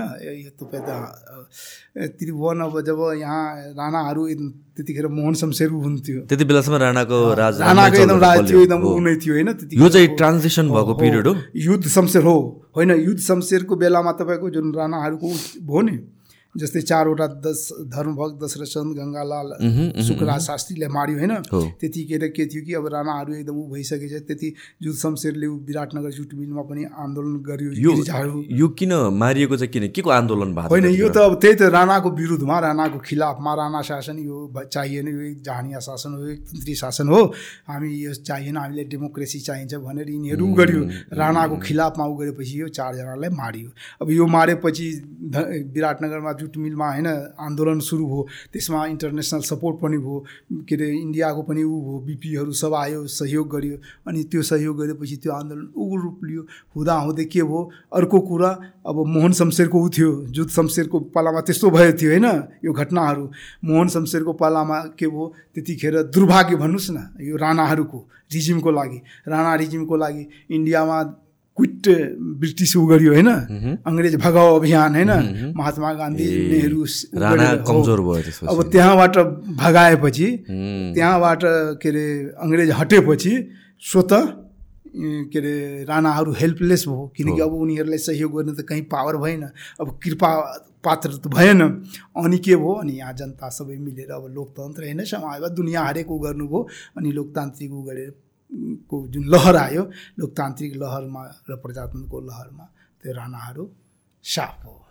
त्रिभुवनको एकचोटि मलाई फेरि त्रिभुवनको? अब त्यतिखेर के हो त्रिभुवन त मतलब राजा थियो तर सुरुदेखि नै होइन रणबहादुरदेखि नै राजेन्द्र राजेन्द्र शाहदेखि नै यहाँसम्म त सबलाई खोपीको राजा बनाएको थियो। राजा के गर्न सक्दैन। हो नामको मात्रै उसलाई पढ्न पनि दिँदैन थियो। यो। त्रिभुवन श्रिभुवनलाई एकदम पढ्न पनि दिएन राणाहरू। किनकि पढेपछि यो त काबिल राजा बन्छ यो त भोलि हामीलाई उ गर्छ थ्रेट गर्छ ऊ हुन्छ। त्यही भएर उनीहरूलाई लिमिट पढ्ने लिमिट उ गर्ने हरेक चिज खोपीमा राखेर उसलाई पढाउने उनीहरू आफ्नो ऊ अनुसार मात्र ज्ञान गुण दिने आफ्नो अनुसार चलाउन सिकाउने ऊ गर्ने आफ्नो एकदम ह्यान्डिलमा कब्जामा राख्ने उनीहरूलाई केही गर्न नदिने। बाहिर जनतासँग दुनियाँसँग कुनै उ न- गर्न नदिने। अब त्यसको लागि त अब त्रिभुवनलाई एकदम ऊ भयो यो त भएन यो त हामीलाई त एकदम खत्तम पारेछ। म के को राजा? होइन? अब कुनै कुनै ऊ यस्तो कार्यक्रममा लग्थ्यो होइन? उद्घाटन उ गर्न उ गर्न यो को हो? यो जनता हो? तपाईँको रीति हो? तपाईँ त ठुलो मान्छे ए हो र? अनि यसको यस्तो दशा छ किन? के गर्ने? यस्तै हुन्छ। ठिक छ ऊ छ भनेर उ गर्थ्यो अनि त्रिभुवनमा एकदम उकुस मुकुस भयो। "ओइ, भएन यार। म सबभन्दा ठुलो म उनीहरूको एकदम देउता जस्तो छु। अनि ऊ मेरो लागि लालायत छ। फेरि यिनीहरू यस्तो दुःख तकलिफ उ गरिराखेछ यसलाई केही बुझ्नुपर्छ उ गर्नुपर्छ अनि त्यसले अलिकति एग्रेसिभ उ लिनुभयो त्यो गरेपछि के भयो? अब राणाहरूबाट एकदम चाप हो उ गर्ने भयो। हो उ गरियो। फेरि राणाहरूमा के थियो? त्यो एबिसी जुन क्लास भएको थियो नि राणाहरूमा पनि त यसले शासन गर्ने होइन? ए लेभलको ग्रेडको राणाले शासन गर्ने अनि बिसी त के न के होइन। अनि त्यो सीवालाहरू जो हो बहिष्कृत। थियो जसलाई मतलब उनीहरू उ गरेको थियो। ल अब यो राणा शासन अन्त गर्नुपर्छ डेमोक्रेसी ल्याउनुपर्छ अनि राणाहरू नै राणाको हो राणाहरू नै जस्तै तपाईँको सुवर्ण शमशेरहरू छ नि रवि शमशेरहरू त्यो खलकहरू यसको विरोधमै लाग्यो। अनि यहाँको जुन लोकतान्त्रिक डेमोक्रेटिक शक्तिसँग बिपीसँग काङ्ग्रेससँग हरेकसँग मिलेर उनीहरू उ गर्नुभयो। हो जब त्यो एकदम आन्दोलन चर्कियो ऊ भयो अनि त यहाँ त समस्या हुने भयो। अनि राणाहरू मोहन शमशेरले यहाँ दरबारमा बैठक बोलायो। बैठक बोलाएपछि अब राजालाई ऊ भयो। अब त्यतिखेर त अब इन्डिया पनि एकदम स्वतन्त्र भयो। नेपाललाई माया गर्ने ऊ गरेपछि ऊ इन्डियासँग कन्ट्याक्ट गरेर दुनियाँ गरेर उहाँ मतलब त्यहाँ छोडेर इन्डियन एम्बेसी जानुभयो। इन्डियन एम्बेसी गएर एक दिन कि कति दिन बसेर अर्को दिन सानो गोचरणमा इन्डियाबाट दुईवटा प्लेन पठायो। अनि त्यसमा लगेर उसले लगे कसलाई? त्रिभुवनलाई। त्यो हो त्रिभुवन महेन्द्र र वीरेन्द्रलाई सँगै जानुभयो। उनीहरू? अँ इन्डिया। किन? होइन अब यहाँ त कहाँ अब त आन्दोलन हुन्छ ऊ हुन्छ मारिदिन्छ यो हुन्छ हामीलाई त उनी गर्न दिँदैन। उसलाई पनि त डेमोक्रेसी चाहियो उसलाई त पनि स्वतन्त्रता चाहियो उसलाई पनि राज गर्ने ऊ चाहियो त्यो त थिएन। किनकि राणाहरू सब चिज थियो पुरै कब्जा गरिसकेको थियो एकदम बाकेता हरेक ऊबाट। यो त नाम मात्रको ऊ थियो होइन? अनि त्यही भएर त्यस्तो स्थिति आएपछि अनि त्रिभुवनलाई पनि एकदम ऊ थियो मलाई पनि निकास चाहियो मलाई पनि ऊ चाहियो म पनि एकदम स्वतन्त्र हुनुपर्छ म पनि स्वराज चाहियो। अनि त्यसले गर्दा त्यो के अरे हेल्प पनि माग्यो अनि इन्डियाले मजासँग ऊ गरेर त्यो बनाएर सेड्युल बनाइदियो अनि त्यो अनुसार उहाँ एम्बेसी जानुभयो। रात ऊ गरेर राति एम्बेसी छिर्नुभयो। एम्बेसी छिरेपछि अनि अर्को दिन एम्बेसी आफ्नो लिएर तपाईँ सानो घोर चरणबाट ठ्याक्कै मिलाएको थियो। दुईवटा प्लेन आयो। त्यसमा उहाँहरूलाई इन्डिया दिल्ली लग्नुभयो अब इन्डिया लगेपछि त यहाँ त खाली भयो। अब राजा छैन। राजा त भागेर गयो। होइन ऊ गरेर गयो। अनि त्यतिखेर उसले पनि राजाले पनि दिमाग त्रिभुवनले लगाएको थियो होइन? ल एउटा त लिगेसी त राखिदिनुपर्छ वारिस त राखिदिनुपर्छ ज्ञानेन्द्रलाई राखिदिएको थियो हो। अनि यो मोहन शमशेरले राणा प्रधानमन्त्री ल राजगद्दीमा अब राजा त भागियो गयो अनि ज्ञानेन्द्रलाई राजा बनाएर राखेको थियो अनि एक अनि एकैचोटि त्रिभुवन फर्केर चाहिँ कहिले आयो? हो त्यो पछि त अब सात सालको जुन एकदम आन्दोलन हो नि त्योभन्दा पहिले होइन? सात सालको कार्तिकदेखि नै ऊ सुरु भयो होइन? पहिलादेखि नै कति चार पाँच छ महिनादेखि आन्दोलन विराटनगर आन्दोलन यहाँको आन्दोलन चारैतिर आन्दोलन हो वीरगञ्ज आन्दोलन हरेक ठाउँ भयो हरेक ठाउँ गरेपछि यहाँ त एकदम कब्जा गर्ने भयो। अब राणाहरूको सरकारलाई ऊहरूलाई पुरै सत्ता एकदम कब्जा गरिसक्यो काङ्ग्रेस ऊहरू होइन? जनसेनानीहरू। स्वतन्त्रता सेनानीहरू ऊ गर्दा गरिसकेपछि त अब त यिनीहरूलाई समस्या हुनु भयो। अब त राणाहरू एकदम सिलिन्डर बोल्ने ऊ जस्तो भयो। अब राणाको त फेरि यिनीहरूको लिगाइसी त इन्डियामा पनि थियो। किनकि ब्रिटिससँग थियो तर ब्रिटिसको त्यहाँ ऊ थियो उनीहरूसँग थियो। अनि इन्डियाले राम्रो मौका पायो होइन? ल अब राजा त्यहीँ बोलाएछ त्रिभुवन त्यहीँ छ। र काङ्ग्रेस त झन् त्यहीँ थियो होइन? बिपीहरू त त्यहीँबाट ऊ गरेको थियो। त्यहीँ थियो। अनि रा यो के अरे मोहन शमशेरलाई पनि ल आऊ तिमी पनि। त्यहाँ बोलाएर त्रिपक्षीय गरेर त्यही त्यतिखेरको सम्झौता जुन हो नि त्यो सम्झौता गरियो र सात साल सात साल पुस सात के अरे फागुन सात गते होइन? ऊ घोषणा भयो अनि आयो अनि स्वतन्त्रता दिवस मनाउँछ। ए सो तपाईँले अब अहिले यसो हेर्दाखेरि यो होल राणा रेजिम या राणा पिरियड जुन छ अफ रुलिङ त्यसलाई कसरी हेर्नुहुन्छ हिस्ट्रीमा हेर्दाखेरि? ए होइन हिस्ट्रीमा। त्यो हेर्नुहोस् के छ कि मैले के छ होइन? के थियो होइन? के हुनुपर्छ? यो राणा रिजिमबाट त्यो सिक्नुपर्छ। इतिहासबाट बितेको ऊबाट हामी राजनीतिक प्रतिबद्धता जान्नुपर्छ। राजनीतिक घटना परिघटनाको समीक्षा गर्नु सक सक्नुपर्छ।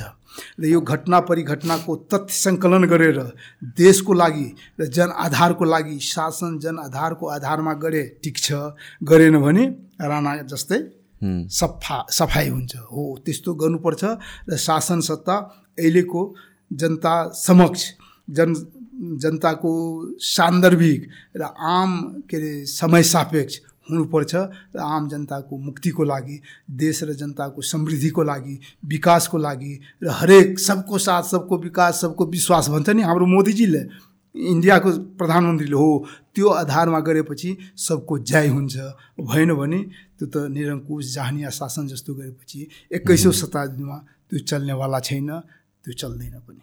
सो तपाईँ पोलिटिक्समा पनि इन्भल्भ हुनुहुन्छ। अब अलिकति हामी पोलिटिक्सको कुरा गरौँ। नेपालको कन्टेक्समा अहिले तपाईँ पोलिटिक्स कुन स्टेटमा छ जस्तो हेर्नुहुन्छ र के कमी कमजोरी छ के हुनुपर्छ जस्तो लाग्छ तपाईँलाई? ए यो पोलिटिक्स नेपालको पोलिटिक्स यस्तो भद के अरे भरखालोमा परिसकेछ। यस्तो के अरे इभल्भ पोजिसनमा हुनुहुन्छ अब यसको वर्णनै गर्न सकिँदैन। कि यस्तो इभल्भमा हेर्नुहोस् न अब हामी बाध्य भएर गाउँघरमा भन्छ कि योभन्दा पुरानै सत्ता ठिक थियो योभन्दा पुरानै भन्छ नि राम्रो थियो योभन्दा लास्ट इयरै राम्रो थियो हो त्यस्तै भएछ। पहिला जति जुन आधारमा राजनीतिक आइरहेको थियो अहिले झन् भद्रगोल भएछ अहिले हेर्नुहोस् गठबन्धन भएछ यो गठबन्धन होइन सबैले ठगबन्धन भनिराखेको छ। तर म त गठबन्धन यो ठग ठगबन्धन होइन यो त घटबन्धन जस्तो छ। घटबन्धन भनेको के हो? तपाईँलाई घट तिनवटा हुन्छ। एउटा जमघट हुन्छ एउटा पनघट हुन्छ एउटा मरघट हुन्छ होइन? यो तिन ठाउँमा हरेक मान्छे जम्मा हुन्छ पढाइ। पनघटमा पनि पाहाडमा छ नि होइन? सबै ठाउँ पानी भर्न जान्छ उ गरेर त्यहाँ हुन्छ त्यहाँ कुरा हरेक हुन्छ। एउटा जमघट हुन्छ कुनै के भयो ल जमघट गरेर एउटा मरघटमा मरेपछि त मान्छे विद्रोही सिद्रोही सब आफ्नो जान्छ होइन? त्यो गरेर जान्छ। हो त्यस्तै भएछ यो कि अहिले? यो जुन सत्ता सङ्गठनको ऊ गरेछ नि गठबन्धनको त्यस्तो गठबन्धन भएछ तिनीहरू सत्ताको लागि मरघटमा किन जान्छ? ल मरिसक्यो उसको अन्तिम संस्कार गरिदियो होइन?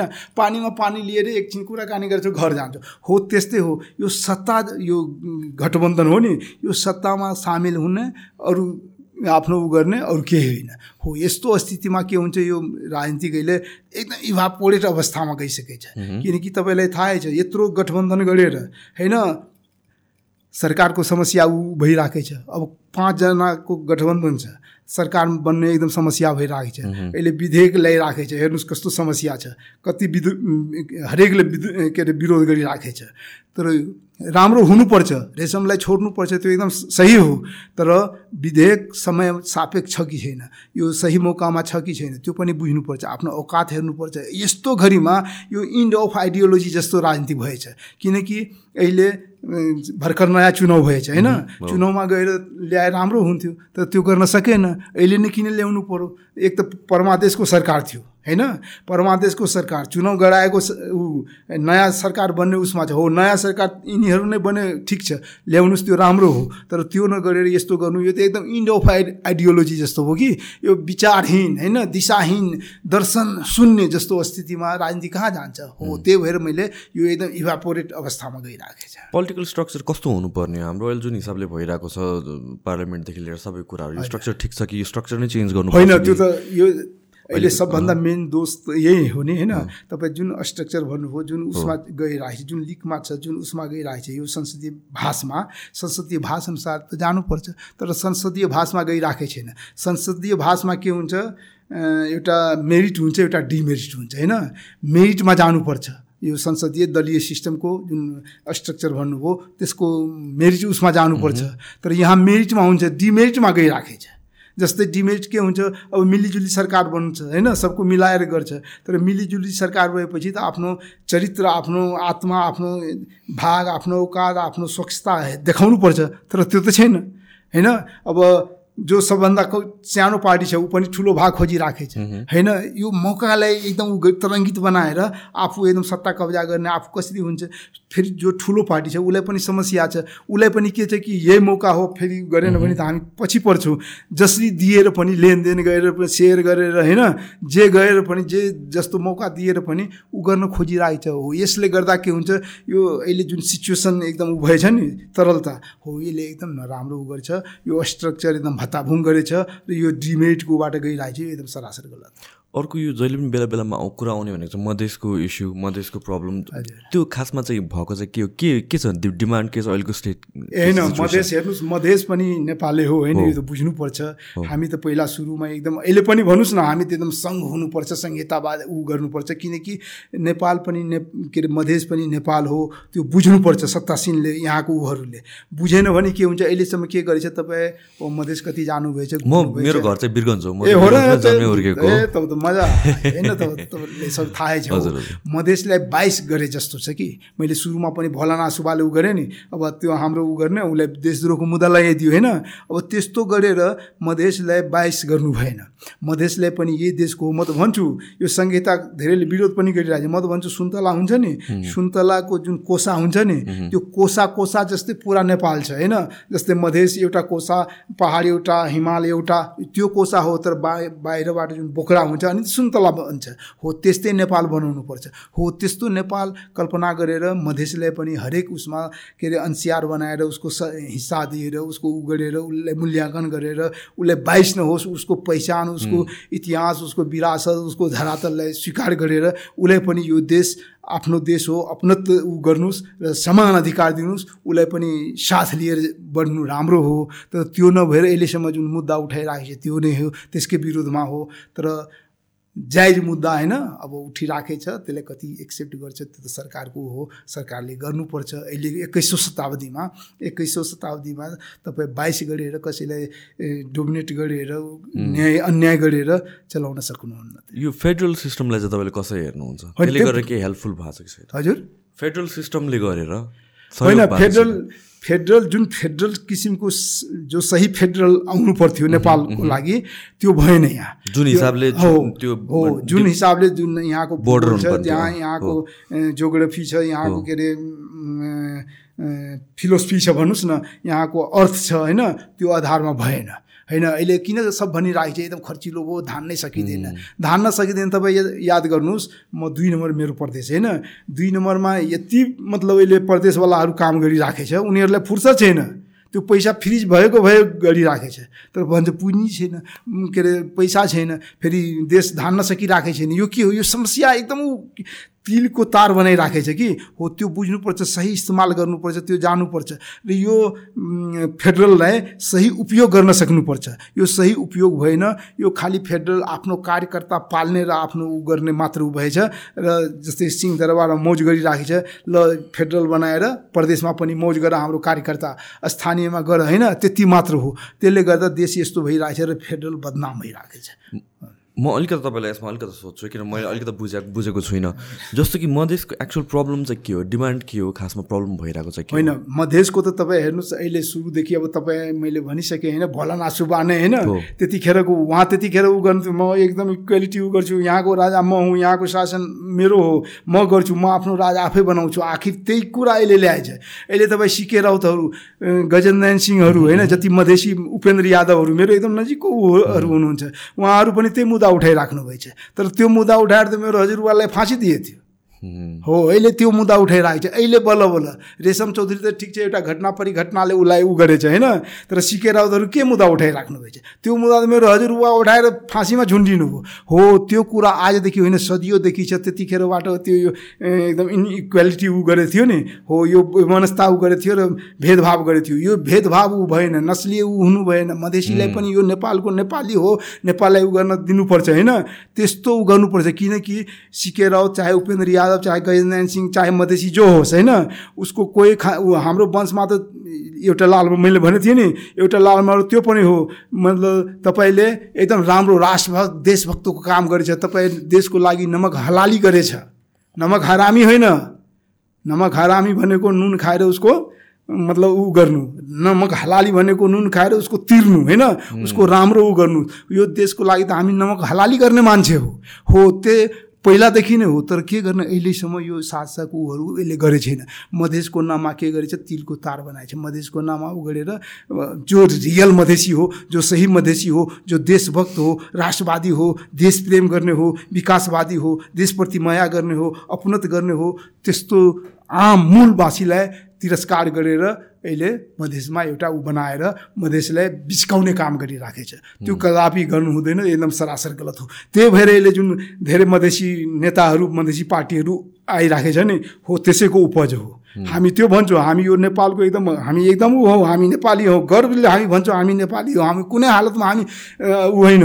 तर के गर्ने यहाँ जबरजस्ती होइन तराईको मधेसको मान्छेहरूलाई गैर नेपाली जस्तो व्यवहार गरेर ऊ गरिरहेको छ त्यो हुनु हुँदैन म त एकदमै यसको खिलाफमा जस्तो कि मधेसमा इन्फ्रास्ट्रक्चर्सहरूदेखि लिएर डेभलपमेन्टको लागि त्यो राम्रो बजेट नछुट्याइदिएको हो कि प्रायोरिटीमा नराखेको हो एकदम त्यो त सही हो नि। क्लियरै हो नि। तपाईँ हेर्नुहोस् न म त धेरै ठाउँ यता रोल्पा रुकुम जाँदाखेरि मलाई साथीहरू भन्नुहुन्थ्यो के हो यार तपाईँको तराईमा जस्तो? मैले भने तराईमा गएर हेर्नुहोस् न झुपरपट्टि छ। यहाँ कहाँ झुपरपट्टि छ? मैले भन्ने यस्तो पाहाडमा पनि बाटो बनिसकेको छ योभन्दा त एकदम पिच बन्नु पर पर्थ्यो त्यहाँ त्यहाँ छैन। हो त्यो पनि ठिकै छ समय सापेक्ष चाहिँ केही छैन। तर जो अधिकार हो मेन कुरो हो त्यो हुनुपर्छ होइन? अधिकार भनेको शासन सत्तामा हुनुपर्छ मधेसीलाई तराईको ऊहरूलाई पनि हरेक चिजमा समावेश गराउनुपर्छ सबैलाई समेट्नुपर्छ ऊ राजनीतिक अधिकार हुनुपर्छ उसलाई हरेक उसमा जाने मौका दिनुपर्छ बाइस गर्नु भएन होइन? त्यो हुनुपर्छ मेन। एजेन्डा। तर त्यो उ गरेर होइन टिपेर कोही मधेसीलाई थारूबाट एकजना टिपिदियो राणा जस्तै होइन के अरे रा साफ ऊ जस्तै थारूबाट टिपिदियो झाबाट टिपेर यादवबाट टिपेर अरू सब जो तराईको होइन मधेसको जो एकदम आम जनता हो जो एकदम उत्पीडित जो मार्जिनल हो मुसहर बातर दुसार डोम चमार होइन गएर हेर्नुहोस् न गाउँको गाउँ हजारौँ हजार लाखौँ लाख तिनीहरू अहिले केही छैन एक्काइसौँ शताब्दीमा त्यो कसरी बाँचिरहेको छ त्यो हेर्नुपर्छ त्यो कुरा उठाउनुपर्छ तर कसैले उठाउनेवाला छैन। यहाँ त एकदम ट्राई सुट लगाएर होइन एकदम ठुला ठुला एकदम ऊ नेताहरू इलाइट वर्गका नेताहरूलाई उ गर्ने र मधेसको उ गराएर उ गरेर त्यसले हुँदैन। आम जनताको ऊ हेर्नुपर्छ आम जनता सबै नेपाली हो नेपाली अपनत्व गरेकोलाई एकदम उ गर्नुपर्छ अगाडि बढाउनुपर्छ अनि यो बेला बेलामा कुरा उठ्छ जुन मधेस भनेर छुट्टै हुनुपर्छ भनेर या छुट्टै देश जस्तो यो कुरा चाहिँ के हो? मैले चाहिँ बुझेको होइन यो त एकदम सरासर गलत हो किनभने किनभने पोलिटिक्समा एउटा कुरा भइरहेको हुन्छ। अब जस्तो कि नाइन्टी पर्सेन्टभन्दा धेरै मान्छेले राम्ररी पोलिटिक्स बुझ्दैन हेर्नु। होइन पोलिटिक्समा लागेको मान्छेले पोलिटिक्स बुझ्छ। हामीले के बुझ्छौँ भनेपछि मिडियामा जे सुन्यो त्यो त्यो बुझ्ने हो। मिडियामा कति कुराहरू ट्विस्ट भइदिन्छ. सो एक्चुअलमा त्यो डिमान्ड चाहिँ के हो? मधेस छुट्टिनुपर्छ भनेर साँच्चै हो कि होइन त्यो? होइन मा अब छ नि यहाँ त हरेक हरेक होइन कुण्ड कुण्ड बुद्धि होइन? कुण्ड म ऊ भन्छ। अब सब आफ्नो आफ्नो ऊबाट गरिरहेको छ अब मधेसीहरू अहिले जुन उठिरहेको छ नेताहरू क्रिएट भइरहेको छ नेताहरू जुन अवतार लिइरहेको छ यसले अवतारै भन्नुभयो नि। सिके रावजीहरू जुन ऊ गरिराख्नु भएको छ जस्तै हाम्रो रविजीहरू जस्तै उपेन्द्रहरू आउनुभयो होइन? त्यस्तै नै हो। कहाँबाट एकैचोटि ऊ गरेर आउनुभयो तर जो मागहरू गरिराख्नु भएको छ यो देश छुट्टिएन। मधेस अलग देश त्यो सरासर गलत हो। त्यो कुनै हालतमा हुँदैन। त्यो भएपछि हामी सबभन्दा पहिला अगाडि ऊ आएर ऊ गर्छौँ। त्यो बन्नु भएन। हामी नेपाली हो नेपालमै रहनुपर्छ नेपाल अखण्ड होइन स्वतन्त्र हुनुपर्छ र एकदम सार्वभौम सत्ता सम्पन्न सिङ्गल एकल होइन नेपाल हुनुपर्छ। कसैले यो ऊ गर्छ भने त्यसको हामी घोर विरोध गर्नुपर्छ तर गरिराखेछ फेरि यो सत्तासीनहरू नै सत्ताधारीहरू नै शक्ति केन्द्रहरू नै उठाइराखेछ। त्यो सरासर गलत हो नेपालको हकमा त्यो एकदम नराम्रो ऊ हो। त्यो गर्न दिनुहुन्न तपाईँ हामी सबै मिलेर त्यसको तिरस्कार गर्नुपर्छ। यो कस्तो यो कुराहरू ट्विस्ट हुने रहेछ कि प्रोपोगेन्डा हुने रहेछ कि? किनभने चाहिँ अब हेर्नुहोस् म म वीरगन्जमा जन्मेको हुर्केको होइन मेरो बुवा वीरगन्जकै हो मेरो हजुरबा वीरगन्जकै हो। अनि त्यहाँतिर अब जुन पहाडी कम्युनिटी र मधेसी कम्युनिटी छ नेपाली सबजनाको हामीहरूको सबैजना नेपाली नै हो भनेर भन्छ कि। यस्तो कुरा कहिले सुनेको छैन मैले। तर यहाँ जुन एउटा जुन एउटा अब उताको कुरा आउँछ या न्युज आउँछ मिडियाबाट या छुट्टैबाट बेला बेलामा सुनिने कुरा भने यही हो। हामी हामी छुट्टिनुपर्छ हामी छुट्टै देश बन्नुपर्छ भन्ने कुरा। भले त्यहाँको जनताहरूले त्यो कुरा मान्दैन होइन? मैले त्यहाँतिर मेरो मधेसी साथीहरू पनि छ या भन्छ म म नगएको त धेरै नै भइसक्यो तर बुवासँग नै कुराहरू सुन्दाखेरि पनि जो पहिलादेखि नै वीरगन्जमा बसेर आउनु भएको छ जेनेरेसनदेखि मधेसीहरू उहाँहरू पनि एज नेपाली नै आइडेन्टिफाई गर्नुहुन्छ र यो कुराको अगेन्स्टमा हुनुहुन्छ कि? तर कहाँबाट बिचमा चाहिँ यो कुराहरू ट्विस्ट भइदिन्छ कि? बिचमा कुराहरू चेन्ज भइदिन्छ कि? ट्विस्ट होइन यस्तो छ कि नेपाल जुन हाम्रो सामरिक उसमा छ नि अब नेपालको नेताहरूको प्रेस्टिज पर्सनालिटी पोर्टफोलियो बुझिसक्नु भएछ। यहाँ स्प्लिट पर्सनालिटी गर्छ। शक्ति केन्द्रहरू खेलाउँछ र शक्ति केन्द्रहरू आफ्नो स्वार्थको लागि नेपाललाई कसरी पजल गर्न सकिन्छ? अनि ऊ हुन्छ। र नेताहरू हाम्रो नेप नेपाली नेताहरू एकदम आसानसँग उनीहरूको शिकार बन्छ उनीहरूको हत्कण्डा बन्छ। त्यही भएर हाम्रो राजेश अहिराजहरू भन्नुहुन्छ नि यहाँको नेताहरू नेता होइन लिडर होइन यिनीहरू डिलर हो। हो त्यहीले गर्दा के हुन्छ डिलरको काम त त्यही हो बिचौलियाको काम गरिदिन्छ कसैको हत्कण्डा ऊ गरिदिन्छ कसैको लागि इस्तेमाल भइहाल्छ कसैको लागि मतलब काम गरिदिन्छ। हो त्यस्तो तपाईँ जुन भयो सही हो। किनकि उनीहरूले जुन नेपालमा एकदम के अरे कन्ट्रोल्ड अनडिस सबैजनालाई भन्छ नि हो। उफार्ने कुरा मात्र हो, भयो कि सब यहाँतिर चाहिँ। बनाइदिन्छ अनि के हुन्छ उनीहरू आफ्नो उ गर्न प्ले गर्न पाउँछ। हो त्यस्तो त्यस्तो गरेर के हुन्छ यहाँ एक एकवटा नेतालाई अलिकति उ गरेर कम्युनिटी हेरेर उ गरेर उफार्छ उसलाई के अरे मलजल गरिदिन्छ अलिकति इम्पावर गरिदिन्छ कृपा पात्र बनाइदिन्छ अनि ऊ गर्छ। हो त्यस्तै तपाईँ जुन भन्नुभयो नि त्यो हो। किनकि तपाईँ क्लियर हेर्नुहोस् न सिकेर पहिला त्यही भन्नुहुन्थ्यो नि उसलाई चिनेको उसले अहिले सिनमा आएको मेन कारण त्यो के हो। ए मधेस। देश भन्थ्यो मधेस देश भन्थ्यो। के अरे उपेन्द्र यादव के भन्नुहुन्थ्यो समग्र मधेस एक प्रदेश। अहिले त दुइटै गएछ होइन? किनकि ऊ पनि मधेस छोड मधेस देश भन्दैन अब। मधेसै भन्छ त्यो आठवटा उसलाई ऊ मानिरहेको छ। उपेन्द्र पनि त्यसमै खुम्चियो हो। त्यस्तै हो सुरुमा त ऊ फाडिदियो ऊ गरिदियो तर अहिले त फेरि उस गरेछ। त्यो त हुनेवाला भएन। यो सबै कुरामा इन्डियाबाट पनि इन्फ्लुएन्स आउँछ होला इन्डिया मात्र होइन धेरै शक्ति केन्द्रहरू छ। अब कति शक्ति केन्द्रको भन्नुहुन्छ यहाँ को नेता को ऊ छैन हरेक त कहीँ न कहीँ कसैको न कसैको पेन्टेड भएर काम गरिरहेको छ। त्यो त सबैले बुझेकै हो। होइन? ऊ छैन। तर त्यहीको इस्तेमाल भएर त्यसको ऊ भएर यिनीहरू काम गरिराखेछ यो नेपालको दुर्भाग्य हो। नेपालको मैले भने नि जुन नेपालको एकदम राष्ट्र ऊ जस्तो देशभक्त जस्तो देश खालि राष्ट्रवादी त धेरै भएछ तर देशप्रेमी भएन देशभक्त भएन हो। त्यो भएपछि मात्र नेपालको जय हुन्छ। त्यस्तो नेता आउनुपर्छ अगाडि सिनमा अनि मात्र हुन्छ। एउटा कुरा यसको बारेमा पनि मलाई भनिदिनुहोस् न यो नागरिकताको होल कुरामा चाहिँ तपाईँको के छ विचार? जुन यो नागरिकता विधेयकको कुरा छ होइन? अब यो अलिकता कुन एउटा पोइन्टबाट हेर्दाखेरि चाहिने जस्तो पनि ला- लाग्छ। किन आमाको नामबाट पनि नागरिकता पाउनुपर्छ जस्तो लाग्छ। तर यसले गरेर अलिक प्रब्लम पनि आउँछ जस्तो लाग्छ पोलिटिक्समा। इन्डियाको इन्भल्भमेन्ट पनि बेसी हुन्छ जस्तो लाग्छ। तपाईँले चाहिँ यो होल सिचुएसनलाई कसरी हेर्नुहुन्छ? जस्तो कि वीरगन्जमा मैले चाहिँ त्यतिखेर फुटेज हेरेको थिएँ है। वीरगन्जमा त्यो नागरिकताको कुरा आउने बित्तिकै लामो लाइन थियो। एक दिनमै लामो लाइन थियो कहाँ परसम्म।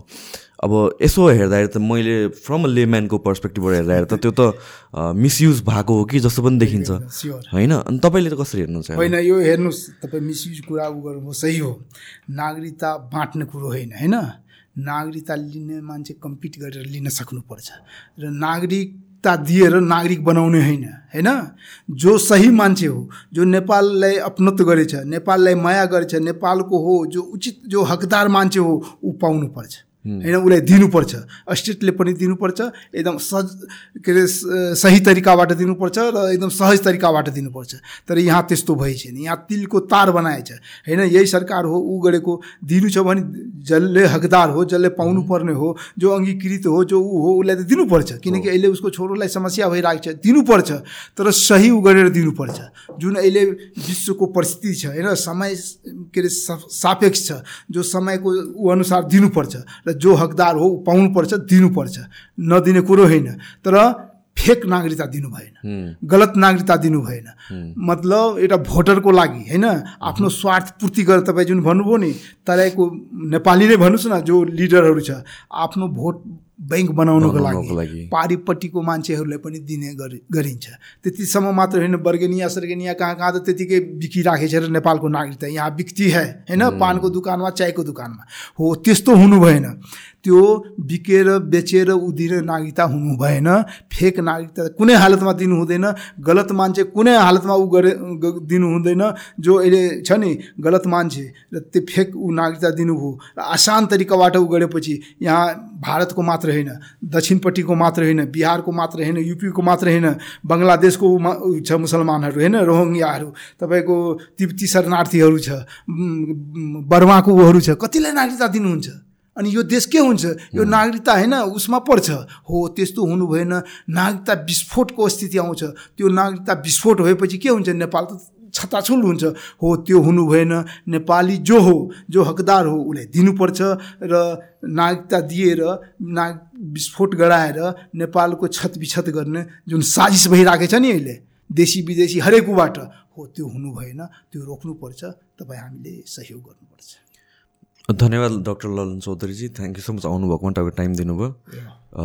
केही लास्टमा केही छ भने भनिदिनुहोस्। धन्यवाद। तपाईँ पनि अब आफ्नो उसमा बोलाउनु भयो यसको लागि तपाईँ र तपाईँको टिमलाई म एकदम धन्यवाद दिन चाहन्छु र म भन्छु तपाईँ देशभक्ति र राष्ट्रभक्ति जुन कुरा उठाउनु भयो र इतिहासबाट सिक्ने कुरा जुन गर्नुभयो इतिहासबाट हामी अवहेलित नहो इतिहास इतिहासबाट सिकेर भूतको होइन वर्तमानको मात्र होइन भविष्य नौलो कोर्नको लागि जुन एउटा पाठक वर्गमा ऊ पस्किने जुन मौका दिनुभयो यसको लागि छु मुडी मुडी धन्यवाद। थ्याङ्क यू सो मच धन्यवाद।